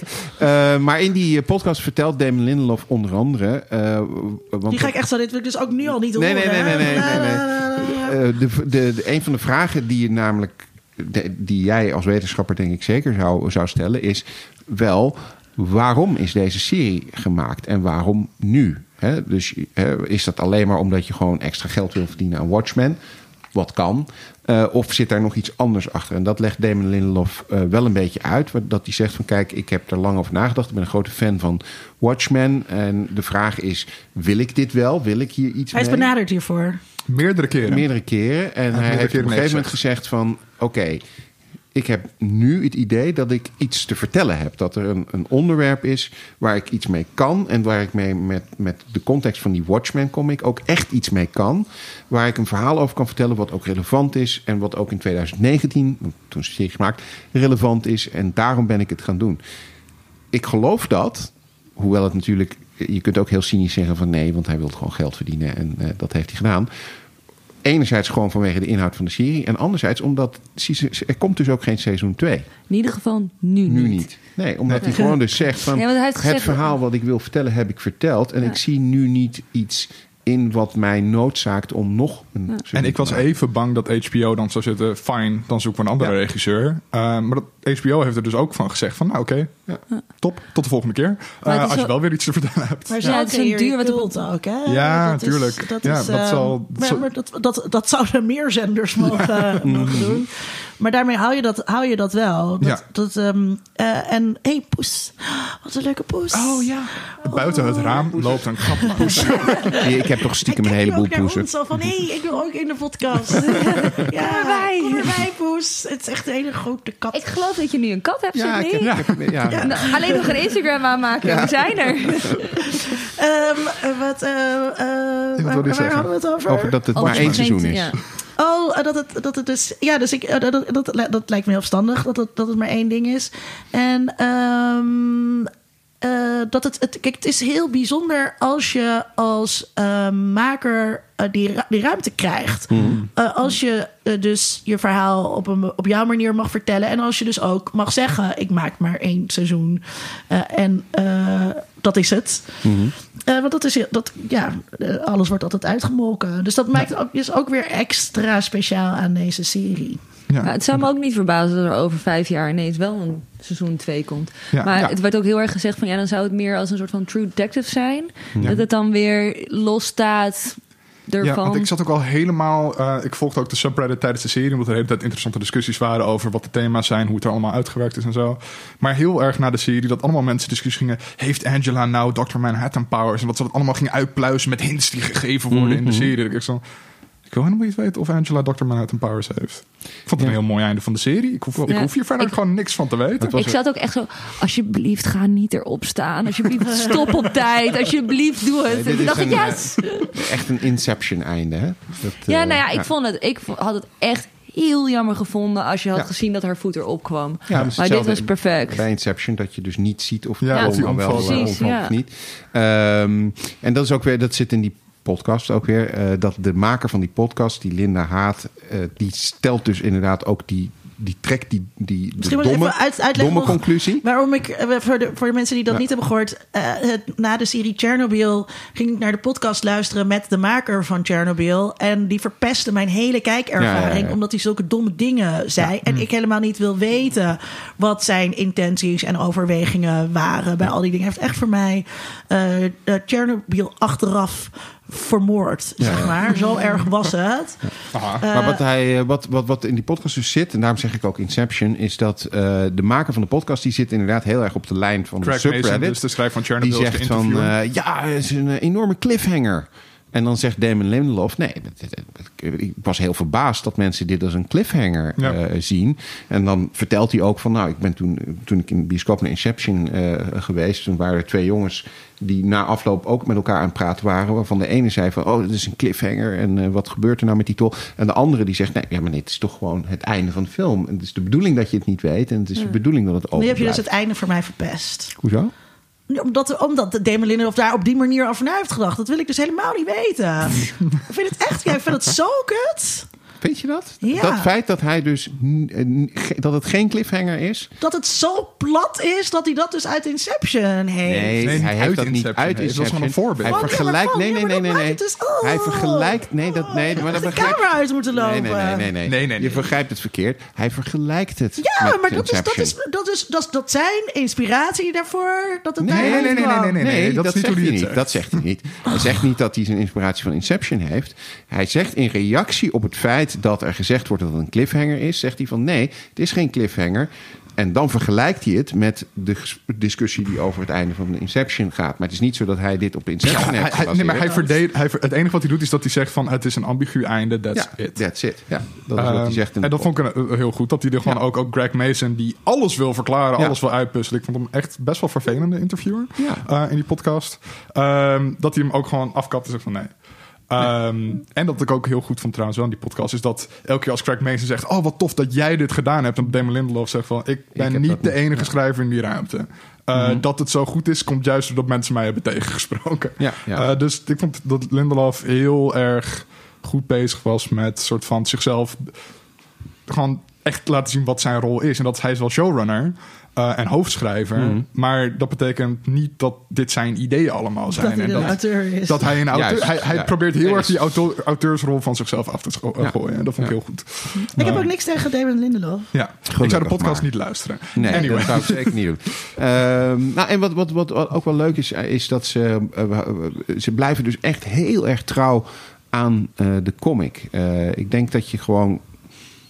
Ja, ik heb nog niks gezien en ik kan me ook eigenlijk niet voorstellen dat je eigenlijk niet veel zult kunnen vinden in die serie wat op de een of andere manier eh, niet logischerwijs uit de comic voortkomt of wat niet daarmee mee in lijn eh, is. Als je bijvoorbeeld ziet eh eh, Who the Justice en het, het oorsprongverhaal van Who the Justice, dat Hmm. zit al gewoon in Watchmen en dat hebben ze dan nu eh, verfilmd in de American Hero Story en dan vervolgens Wat wel een beetje een spoof is op Snyder trouwens. Juist, ja, en dan vervolgens krijg je een, een, eh, eh, dat, dat er eigenlijk nog een verhaal achter eh, zit. En dat hebben ze gewoon heel goed gedaan. Maar ze, ze zijn, ehm, wat in die serie gedaan wordt, is dat ze dus ook allerlei dingen die in de comic dus misschien een beetje soort jammer zijn als het gaat over gender en ras, in de serie dus wel fucking goed doen. Ja, Ja, maar niet tegenspreken. Nee. Nee, ze ze geven aan, er zit nog een laag onder die je niet verteld is, wat eigenlijk heel erg toevoegt. Want Ja. dat Zie je het- in de comic de identiteit van die Nee. van Nee, nee, nee, absoluut niet. Good justice. Ja. Nee, daarom. Dus het is, het kan, zeg Ja. maar. Het is niet iets wat eh, waarvoor je dingen moet laten of moet Ja, wegduwen. J.J. Abrams. Ja, nee, ik vond dat ook. Ik moet zeggen, dat was het moment. Ik had wel een beetje moeite met in de serie komen. Mm, snap ik. Vond de eerste scène, zeg maar, met de, met de in Tulsa, vond ik heel mooi. En eh, indrukwekkend. Maar op een gegeven moment dacht ik wel, oh, wat is dit Ja, ja, ja. allemaal? Wat gebeurt hier? Aflevering Het is 2 en zo 3 zijn echt... Dan worden elke keer nieuwe dingen in geïntroduceerd. En dan is het van, wat Ja, en toen denk ik, en dan iedereen in een masker. En dan denk ik, hè, waar gaat het over? Wat zijn we aan het doen? Wa- hoezo is dit Watchmen? Ja. Want in de eerste aflevering is er alleen volgens mij dat je op een gegeven moment die badge op de grond ziet liggen en er één druppel bloed op Ja, en, de Archie speech van. War, Oh. Archie en de speech van Rorschach wordt door de Oh ja, klopt. Maar ja, dat je er verder denk je, ja, oké, nou leuk. Dit is zo eentje met eh, waar dan een paar keer een verwijzing in zit en dan geven ze het dezelfde naam. Nou, leuk. Ehm, maar bij de aflevering van, Jude, eh, van de the Justice, dat, toen was ik om. Toen dacht ik echt van, oké, dit is echt iets nieuws, iets anders. Ja, ik vond dat ook heel goed gedaan, omdat het echt gaat over hoe in de Amerikaanse mediageschiedenis is, is omgegaan met verhalen over mensen van kleur, Ja. hoe mensen verwijderd worden uit eh, narratieven. Ehm, en dat geeft natuurlijk ook wel gelijk in die eerste aflevering aan dat die ehm Bass Reeves aan het kijken is. Die, Ja. die Ja. eh, hoe heet hij nou? Captain, police captain, whatever. Ehm, die zwarte sheriff in die, die zwart-wit film. Ja. Dat gelijk gaat over, dit is media. Dit is hoe media belangrijk is voor mensen hun zelfbeeld en zo. Eh, Ja, en het plaatst Ja. dit ook als een, eh zeg maar, de, de, de eh, novel Watchmen als een media in Ja, ja. de samenleving. Van oké, hier, ook Mhm. hierin, dat zou kunnen dat dit echt zo was. Ja. Dat dit gewoon zo eh, weggestript is. Ja, heel ja. goed gedaan. eh.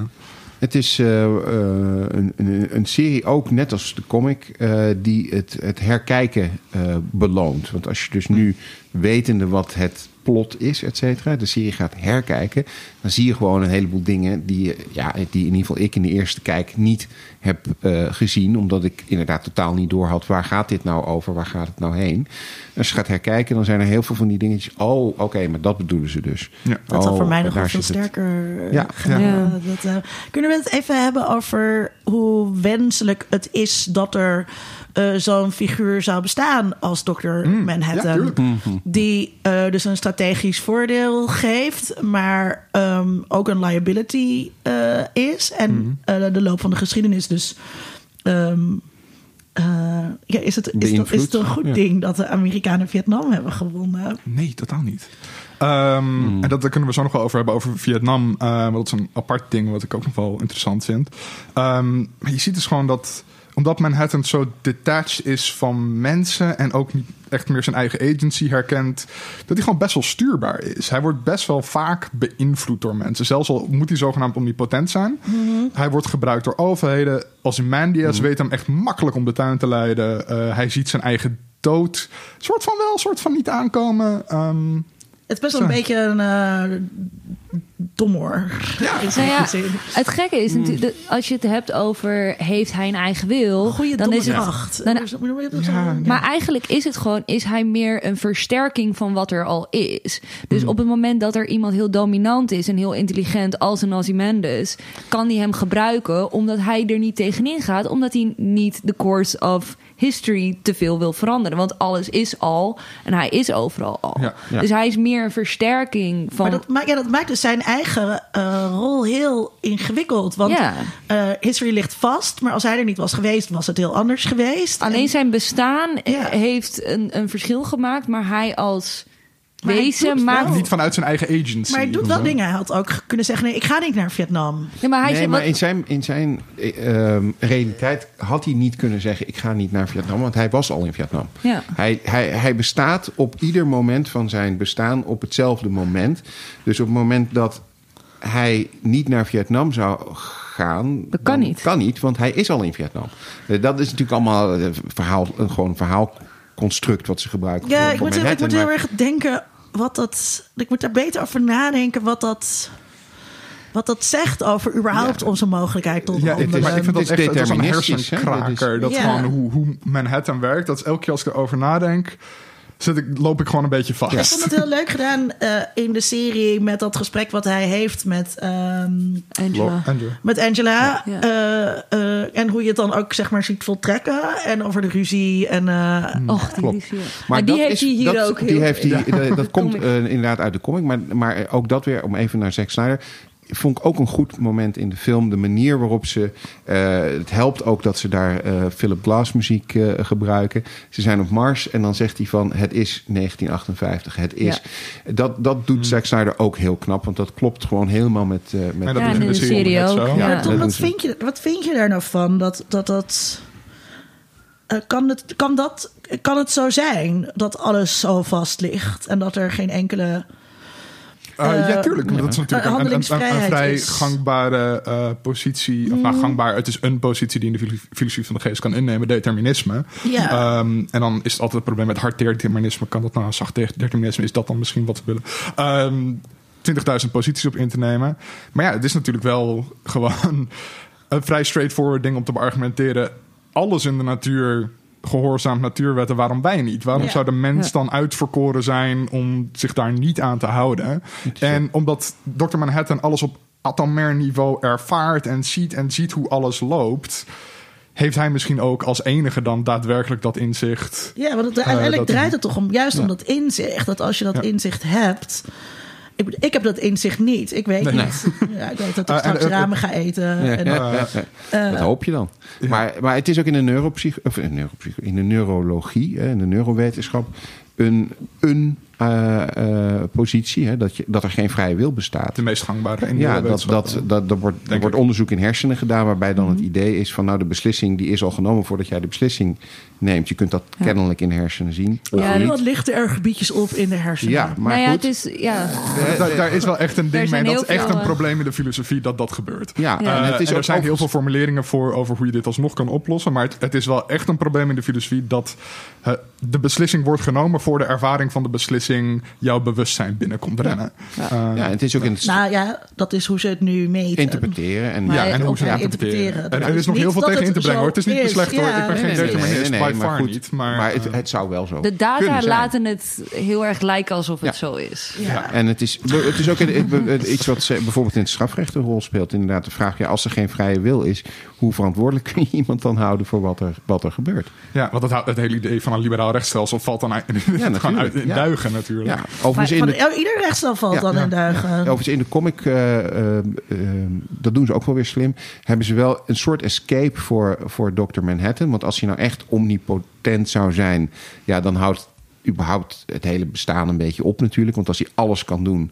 uh, ja, dan bestaat er geen... Ik wist denken, als hij echt omnipotent was, had hij wel een betere piemel gehad. Nou, je ziet in de, nou, de serie een hele mooie dildo. Hè, dus, en in de, in de comic... Is hij Hij weet wel hoe hij seks moet hebben. Ja, die heeft op een gegeven moment... Er zijn net zeven Manhattans of zo die in bed liggen. was daar niet zo van gediend. Laurie was daar niet zo blij mee. Maar, maar dan, dan, dan, dan, dan, dan, dan zou er namelijk inderdaad geen enkele dreiging meer van de Sovjet-Unie uitgaan. Want als hij alles kan, dan kan hij dus ook in één keer uh, alle, alle dreiging die er bestaat uh, doen ophouden. Maar dat gebeurt niet. En ze leggen ook een beetje in de comic uit van, nou ja, als de Sovjets zouden aanvallen, dan kan Dr. Manhattan ongeveer 70% van de raketten tegenhouden. Maar er blijft altijd wat over. Nou ja, ja. ze zijn niet volledig omnipotent. Nee, nee. Ja, wat jammer. Uh, ja, ik wil het ook nog over Vietnam hebben, want Vietnam is ineens een staat. Ja. In de serie. En dat vond ik ook wel... in, de, in, de, in de comic, ja. ja, Maar daar, daar is het minder een thema. Mm maar daar wordt alleen eventjes benoemd dat het inderdaad zo is. Uh, maar wat het idee is, is dat heel veel Afro-Amerikanen van de VS wegtrekken en naar Vietnam gaan, omdat ze daar... Um, minder gediscrimineerd worden? Minder gediscrimineerd worden, maar daar zelf dan weer een soort koloniale uh, macht worden. En dat heeft uh, Lindelof heel erg afgekeken van hoe Hawaii, uh, Hawaii status geworden. Want daar heeft hij voor Last heel veel gefilmd en gezeten. Um, dus hij probeert ook dat soort dingen aan te kaarten van... Het is heel makkelijk om structuren van oppressie en discriminatie en ongelijkheid door te zetten. Zelfs al ben je zelf slachtoffer daarvan geweest. Ja. Um, hallo Israël. Hallo Israël. um, maar, en, en, dat vind ik ook best wel goed uh, gedaan in. Um, en dan ben ik kwijt wat ik wilde zeggen. Uh, oh ja, uh, dat je dan Nixonville hebt op een gegeven moment. Ja. Mm -hmm. waar de white supremacists wonen in ghetto's. En die worden keihard aangepakt door de politieman. En dat is echt heel erg. En dat. De, de serie laat de politie er ook niet zomaar mee wegkomen. Ik bedoel, het is een liberaler land. Maar dat betekent niet dat de politie in één keer goed is. Nee, nee, het is een heel duidelijke parallel uh, van de mensen in Nixonville zijn, zijn nu zeg maar de onderkant van de samenleving in deze serie. Waar dat nu in de Verenigde Staten vaak de, de wijken zijn waar gekleurde mensen uh, wonen. Waar de politie hard optreedt en over de scheef gaat. Ja, doen ze dat nu in Nixonville ook. Dus het laat zien dat uh, ja, ook in die tot op zekere hoogte betere samenleving die we dan in de serie uh, zien, de politie nog steeds zijn macht misbruikt uh, ten opzichte van mensen die zwakker zijn. Omdat dat de aard is van uh, de popo. Maar vind je, nou ja, mis, machten misbruiken. Bij sowieso van mensen. Vinden jullie dat het een hoopvolle serie is? Niet per se, maar en dat komt ook door. Um, dat, Alan Moore, dat zei ik net al, is anarchist. Mm -hmm. dus hij vindt gewoon dat mensen geen macht moeten hebben. Gewoon concentratie van macht in bepaalde figuren die kunnen doen en laten wat ze willen, uh, is een fout. En dat zie je in de comic. Is ook. Uh, ja, uh, en daar ben ik heel sympathiek uh, tegenover. En dat, dat, zie je dus ook, zelfs de serie meer liberaal dan anarchistisch. dat zie je ook terugkomen in de serie. Dat de serie daar bewust van is dat instituties die macht hebben en die dat disproportioneel toe kunnen passen, dat, daar gaat het altijd gewoon in fout. Ik vind dus ook, um, vond ik heel interessant om over na te denken, want dat is wat er een soort gebeurd is. Op een gegeven moment zijn ze sorry gaan zeggen voor dat was een massacre. Ja. En, sorry heet het ook weer? De Red Foundation. Oh ja, Red ja, En um, uh, dat merk je ook als zij naar dat uh, museum gaat om haar DNA mm -hmm. uh, te laten testen. Van dat zij een soort van bevoorrecht is of zo. omdat ze afstamt van mensen. Daardoor kan zij een aantal privileges genieten. En volgens mij mag je ook alleen maar in het museum werken als je van kleur bent. Mm. En uh, dus, dan, dan, je, je, dus het is een mooi inderdaad om daarop door te denken. Van wat, uh, wat, kunnen, wat kunnen consequenties zijn van uh, bepaalde vormen van identiteitspolitiek. Ja. Uh, omdat je moet niet um, de ene groep. Uh, dat is, gaat, bij, bij, feminisme gaat daar ook heel erg over. Of feministen denken daar heel veel over na. Het gaat er niet om dat we naar een matriarchaat moeten... waarin mhm, vrouwen meer macht hebben. Nee, we moeten dit systeem omverwerpen... en zorgen dat geen enkele groep op basis van seksen ja. macht heeft. En dat, ja, dat is heel uh, leuk of interessant of spannend om dat als kijker te mogen doen. Ja, dat en dat, daar voorgelegd wordt, je ook, uitgenodigd worden. De serie durft ook gewoon, en dat vind ik er leuk aan en spannend aan, dat het tegen het soort van linkse en liberale Precies. sentimenten in durft te exact. schuren. Ja, door uh, dus inderdaad een witte onderklasse te ja, maken. Maar ook uh, bijvoorbeeld dat je dan, um, oké, okay, politiegeweld is een probleem in de VS. En je ziet dat de serie, in de serie er een poging is gedaan dat op te lossen door uh, die pistolen dan in een soort houder in de auto te mm. hebben. Dat je dan toestemming moet vragen aan je luitenant of zo om je pistool los uit die houder te krijgen. En dat dat natuurlijk ook een soort belachelijk politiek bedachte oplossing voor politiegeweld is, dat totaal fout gaat. Want dat werkt natuurlijk Mhm. helemaal Maar ook niet. dat zij de, de, de, de, de totale, het totale failliet van maskers moeten dragen. omdat die politieagenten niet veilig zijn. Ja, Ja, de hele rol van maskers is super interessant in Ja. de serie. Ja, eh, gewoon, ja, waarom zou je identiteit moeten verbergen? Wat is de consequentie daarvan? Maar ja, je, we, we weten natuurlijk ook dat wat ze ook meerdere malen zeggen is dat het dragen van een masker kan je cruel maken, kan je Ja. vreed maken, omdat je ineens een soort van afstand vindt van Omdat je anoniem wie jij wordt. bent. Wordt Ja. anoniem. Nou, we weten En op het- internet wat er gebeurt als Ja. mensen anoniem Ja. zijn. Ja, ja. dat met heel veel eh, ook psychologische experimenten natuurlijk. Nou ja, vooral vroeger toen eh, ethisch eh, Ja, dat nog minder, kon. Nou ja, en wat, wat eh, ehm, hoe, hoe de justice uiteindelijk aan het einde ook zegt tegen Angela is van you cannot heal under a mask. Hè, dus van je kunt niet ehm, met elkaar in het reinen komen, je kunt niet eh, je problemen oplossen als je je verbergt, als je je niet laat zien, als je niet bent wie je bent. Ja, ik vond het ook wel interessant ergens dat je hebt de Game Warden Mhm. ehm, bij eh, Jeremy Irons daar zitten. En hij heeft ook een masker op, want hij Ja. is de originele eh, Mr. Phillips. Ja, ja, ja. Ehm, en hij heeft een verlies geleden en eh, heeft tragedie ondergaan. En dat maakt hem meer menselijk en daarom doet hij Mhm. de masker op. En zo. Dat vond ik wel een soort grappige kijk op Ik vond mensen dus en de- leed of zo. eh, Jeremy Irons trouwens perfect gecast. Ja. Oh, Echt heerlijk. ontzettend goed gecast.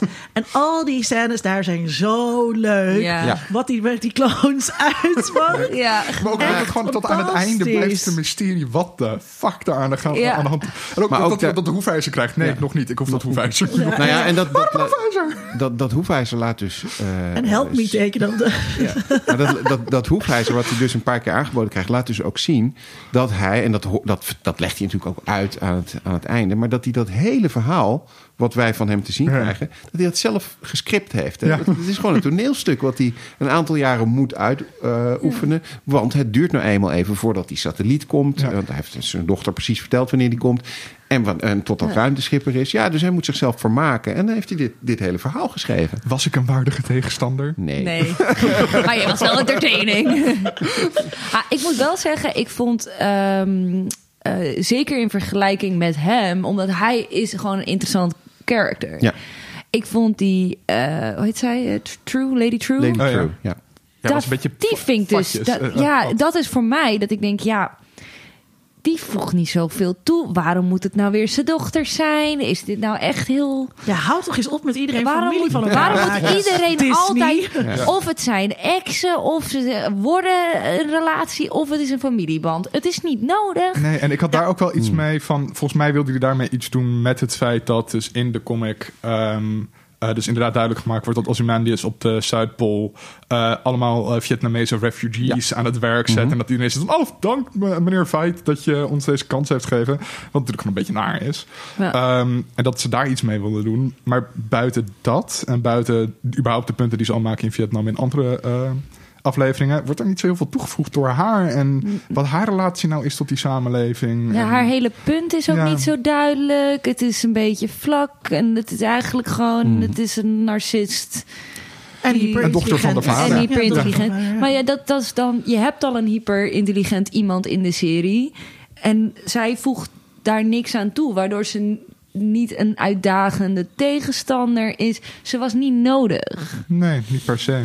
Nou ja, eh, eh, of zij specifiek nodig was, weet ik niet. Maar je had wel iemand nodig. Want een aantal van de plotwendingen... die worden natuurlijk veroorzaakt door wat zij doet... of door Ja. het feit dat zij dat eh, medicijn Nostalgia gebaseerd op de parfum Hmm. van eh, Adrian Veidt eh, eh, heeft bedacht. Eh, dus je hebt wel iemand nodig die dat in gang zet. En in Ja. die zin is zij misschien de, de luiste uitvinding van Ja. eh, Damon Lindelof. Dat hij dacht van, nou, dan noemen we het gewoon samen in één persoon. Ja. En dat is prima, ja. dat kan wel. Maar geef dan ook een beetje persoonlijkheid mee. Want Ja. nu is ze een beetje de koude scientist die super Ja, intelligent die is. En dat is het. is. Zo zijn Ja. we ook allemaal. Wetenschappers. Jij hebt ook stiekem je moeder gekloond. Eh, was zo fucked het niet hebben over mijn moeder. Maar denk ik, Ehm. ja, bij Ozymandias ook zijn humor maakt het gewoon- dat alles met die kloon, dat is natuurlijk één groot grap. Maar dat, Ja. maar, en, dat is ook, eh, maar ook dus, Jeremy Irons is gewoon zo goed en charmant. Ja. Dat, eh, dat hij is gewoon een meestelijk acteur. Dus misschien was het ook, ligt het misschien ook wel aan degene die eh, Lady True speelt. Hmm. Ja, dat weet ik niet. Want ze, de, er wordt ook, wat is haar persoonlijkheid? Ja. Nee, dat is, wordt niet Ik weet niet, ik Megalomaan. Ja, ik weet niet of er nou, dat, dat zeg maar wel geschreven is, maar niet Ja. overgekomen is. Of dat het gewoon überhaupt niet zo aanwezig was. Want nu is er meer een tool. Inderdaad, het is een iemand. Je had Ja. een iemand nodig. En zij is deed. die iemand. En Ja. zij is die iemand. Ja, ik, vond, ik was heel geïntrigeerd toen ze geïntroduceerd werd in de serie. Dus dat ze dan die meteoriet komt ophalen en zo. Dat je echt van, wat is haar plan? Wat gaat ze Ja. doen? Uiteindelijk is, haha, ze wil de wereld overnemen en de supermens worden. Ja, oké. Ja. Wel dat is ook een beetje een stomme ambitie eigenlijk. Ja, De wereld. Want wat, ga- wat ga je dan doen als je dat hebt? Ja, nou ja, I don't know. De Want lucht je, je, kan, je, kan, je, je kan zien wat er met Manhattan gebeurt. Dus waarom denk je dat jij dat wel zou kunnen? Ja, waarom is dat Ehm, aantrekkelijk? Ja, eh, dus dat vond ik een beetje gek. Zou Eh, jij de wereld willen? Zou jij de baas van de wereld willen zijn? Nee. Jij? Ehm, ja, maar niet, niet zoals Dr. Manhattan. Maar hoe dan wel? Nou, de- als je een vrije wil hebt en zelf kan bepalen en, en zelf dus inderdaad eh, de, de mogelijkheid hebt om echt dingen te doen, goede dingen te doen en daarbij dus niet afhankelijk bent, dan lijkt Dus jij zou, wereld- jij zou de baas van de wereld willen zijn, zodat je goede dingen kon Ja, doen. dat lijkt me fantastisch als, je, als, als, het, als, het, als dat zou kunnen. Als je dus daadwerkelijk... Maar hoe weet je dat de dingen die jij wil doen goed, goed ja, zijn? dat, dat, daar, daar, daar hebben we dan gelukkig nog wel een tijdje over na te denken, denk Ja, ik. Maar, of dan vertrouw je ja. gewoon op je... Ik zou dan op mijn persoonlijkheid vertrouwen. Ja. Denken, ja, weet je wel, ik vind het, dus dan zal het wel goed zijn. jij? Nee, nee, het lijkt me wel leuk om in de omgeving van iemand die de baas is, zeg maar de rol in te vullen van dingen in twijfel trekken of een soort van ja, advocaat van de duivel spelen. Een soort Rasputin te zijn. Ja, dat je wel. Maar ik zou de verantwoordelijkheid niet willen. Dat, dat is het. Dus het lijkt me wel leuk om mee te denken. Maar daarna moet iemand anders de verantwoordelijkheid nemen. Jij? Ik denk dat ik een burn-out zou hebben Ja, natuurlijk. ik abs- absoluut niet. Ik vind leiding geven als gruwelijk. Ik vind het echt verschrikkelijk om mensen aan te moeten sturen. Ja, niemand moet überhaupt de baas van de wereld zijn, joh. Nee, dat Nee, is... dus je moet die centralisatie moet je vermijden. Je moet hem allemaal zeker gewoon- niet bij mij neerleggen, want ik heb geen zin in. In decentrale autonome communes leven, waar we gewoon met eh, een soort van mutual aid elkaar helpen. Ja, waar ik gewoon in een hoekje kan zitten schrijven en op die manier de wereld kan aansturen met mijn Ja. indoctrinatie. Maar ik wil wel graag kunnen teleporteren. En dat ik Ja. ook zelf licht kan geven, is ook fijn. Geen, niet altijd ja, precies. Wil je licht geven? Op, Licht geven, ja. Op het en moment dat ik het wil. Als je het aan en uit kan zetten. Dat is super fijn. Wil je een boekje lezen, is het donker. Nou, dan doe je even je lichtje aan. Eh, Zullen we als, als Wat laatste nog vinden even jullie over... over Mirror Guy? Oh, oh ja, ja. Mirror Guy. Eh, ja, daar kan ik nog wel over. En dan wil ik het over Looking Laurie Blake Glass. hebben. Ja. Ehm, maar ja, Mirror Guy, Looking Glass. Ik vond zijn aflevering eh, erg goed. Ja. Ook omdat je dan dus ziet wat er op de grond gebeurd is na wat Ozymandias heeft gedaan. Wat Ja. soort van wel nodig was, denk ik. Om soort de gruwelijkheid van wat hij gedaan heeft te laten zien. En de psychologische consequenties eh, voor mensen daarvan. Ehm, vond ik goed gedaan. Eh, ik vind het jammer dat hij daarna een beetje uit het oog verdwijnt. Ja. Ehm, maar dat vond ik heel tof gedaan. Ik vond hem ook een sympathiek karakter. eh, hoe hij met het verlies omgaat. En hoe je ziet hoe hij verder niemand meer kan vertrouwen na wat hij heeft Ja. meegemaakt. Nou, vond ik ook. En, en ehm, ik vond het leuk om te zien dat, die, eh, dat je steeds kleine dingetjes te zien kreeg, waardoor je steeds meer doorkreeg. Eh, hoe diep de impact van datgene wat hem overkomen is werkelijk is. Hè? Dat hij bijvoorbeeld ook in zijn petje eh, van die, Ja, van die ja, ja. reflecterende folie eh, eh, heeft. Letterlijk een tinfoil. Ja, letterlijk het tinfoil hat, maar in dit geval wel begrijpelijk Ja. waarom dat eh, dan zo is. Ehm, en wat ik ook wel eh, eh, eh, mooi vond aan het einde van zijn aflevering, hij, hij, hij, hij weet dus hoe het is gegaan. Hij heeft de video gezien. Hij weet dat Adrian Veidt het allemaal bedacht en verzonnen heeft en dat het niet echt is. En aan het einde van die aflevering gooit hij dan zijn eh extra-dimensionele veiligheidsapparaat Oh ja. in de prullenbak. Maar haalt hem er toch weer uit. Omdat, het, omdat het toch, dat trauma zo diep is, dat ook al weet hij nu hoe het echt zit, dat trauma is niet weg. Nee, natuurlijk niet. Nee. Het is er nog. Dus hij, hij, hij heeft nog steeds die angst en daarom wil hij zichzelf nog steeds beschermen. Ja, en hij heeft dan ook nog wel een soort van dat klein beetje een soort van superpower door hoe goed Ja. hij eh, eh, leugens kan eh, ontdekken. Ja. Dat vind ik dan, ja, daar, ik hou daar toch wel van. Dat er toch een beetje zoiets speciaals in zit, wat net onverklaarbaar is, maar wat niet te veel macht weggeeft. Ja. Ja. En visueel gezien vond ik het heel gaaf hoe die in die, in die pot zit. Met Mhm. Are de you or have you ever been part of the white supremacist organization Ja. known as the white, uh, Seventh Cavalry? Ja. Ja, het, ik, ja, het, het, zag, het was ja, zo'n masker leent zich goed voor uh, mooie visuele. Ja, ik vond het ook wel mooi dat hij dan tegenover Rorschach uh, ja. werd neergezet. Dat je dan ook gewoon gaat denken over parallellen trekken en zo. En je ziet dan Rorschach in de originele comic. Het idee is dan dat hij geboren is uit trauma. En dat is bij uh, uh, Looking Glass natuurlijk ook zo. Maar hoe je dat anders op kan pakken. Ja. Ja. En ook dus op het moment dat hij erachter komt dat alles een leugen is. Dat je dan verwacht, oh nu gaat hij bij de 7K. Uh, maar dat hij dat ook niet doet. Dus Nee. hij, hij laat heel erg mooi een tegenwicht. Hij is een mooi tegenwicht van Rorschach. Van je kan inderdaad cynisch worden, alles zwart-wit gaan zien, heel gewelddadig worden, maar je kan ook die andere kant op gaan. Dat is ook nog steeds een ding dat je kan doen. Je Hij kan is niet te verwerken. spreken, dat lag allemaal vast. Ja, hij is wat gebalanceerder. eh. Ja, iemand die wel wat meer cynischer wordt en dingen zwart-wit gaat zien, is natuurlijk Laurie Blake. Het duurde even voordat ik zat van, oh, dat is die Laurie. Ja. Oh, Ja, heeft- haar haar. introductie is, is prachtig, omdat je, eh, als je als je de comicboek eh, echt helemaal in je geïnternaliseerd hebt en je weet echt alles. eh, het, het feit alleen al dat zij Divo opzet, Oh, ja. zit in de comic. Ja, Eh, het feit dat ze een uil als huisdier heeft. Ja. een, een, een Dan. Dan Dryberg. Ja. Het feit Ja. dat eh eh, Keen eh, Jr. op een gegeven moment tegen haar zegt... nou, misschien kan ik die uil van jou wel uit een kooi halen. Oh ja. Ja, Dan Dryberg is natuurlijk gewoon gearresteerd. Die zit nog vast. Ja. Ja, dat zijn wel dingen waarvan ik denk... oh, dit is wel heel, heel slim gedaan. ja. Eh, ik had eigenlijk ook wel gehoopt dat Dan Dryberg er nog in zou zitten. Ja, seizoen Maar 2. helaas niet. Eh, dat is gewoon Dryberg en eh, Fight in Prison. Mm. Ehm, nee, ik vond het echt heel erg goed gedaan hoe je ook ziet hoe hij- zij als karakter ontwikkeld is. En hoe Ja, zij ja. eh, meer met haar vader is gaan identificeren. Dus ook omdat ze die naam zeker. heeft overgenomen. Maar dan toch ook nog wel wat sympathiekers heeft. En aan het einde ook wel weer Fight arresteert. En ehm ja, vond ik gewoon tof gedaan. Ja, ze je ziet dat, dat, dat ze niet stil heeft gestaan. eh. Ja, ze, maar, ze, zeg maar het is wel pas aan het einde dat ze... Want eh, ze is wel heel cynisch ook. Mhm. En begint ook keihard te lachen op het moment dat die eh, auto naar beneden dondert. Ja, want ze is Ja, de maar ze is- comedian. Ja, Ja, precies. En ze, en ze, is, en ze, heeft in, ze is eigenlijk Eddie Blake eh, Jr. in het begin. Hè? Want Ja. ze schiet gewoon die, die gast Neer. in een kostuum. Die schiet ze gewoon in zijn rug neer met, Ja. met drie kogels. Ja. Ja, dat, dat, zou Eddie. Blake ook doen. ja was Ja. niet nodig. In a world. In a world. World. World. World. In a world.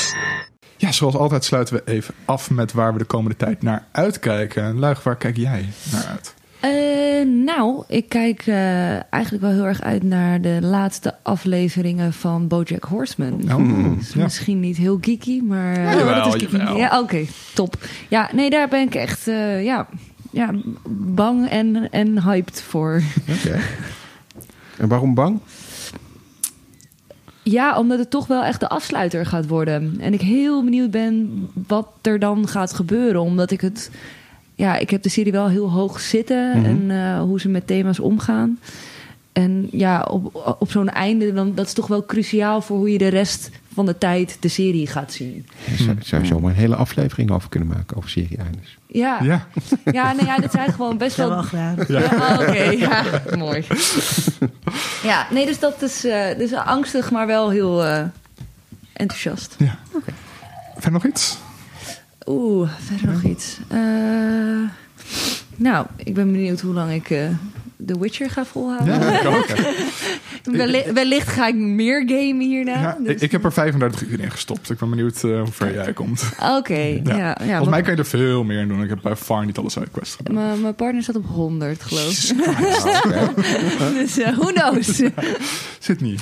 Nou, ik kijk uit naar eh, het nieuwe seizoen van eh de Clone Wars. Star Oh ja. Wars The Clone Wars op eh, Disney Plus vanaf februari.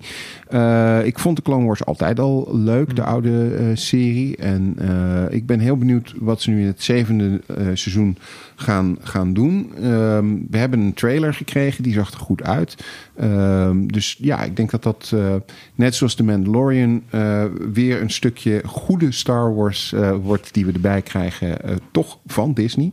Ehm, maar iets meer vertrouwen in, omdat het natuurlijk al een bestaande franchise was. Hè, En ook weer van Clone makers. En van? Dave Ja. Filoni en zo. Dus ik, ik denk dat dat wel goed eh, gaat worden. En ik kijk uit eh, naar eh, de films van Studio Ghibli. Ah, Die ja. komen op Netflix vanaf eh, 1 februari. Dus vanaf 1 februari kunnen we de Pompoko en andere leuke Ghibli-films gewoon op Netflix gaan kijken. Ik kijk daar ook echt Ja. naar. Ja. Linda.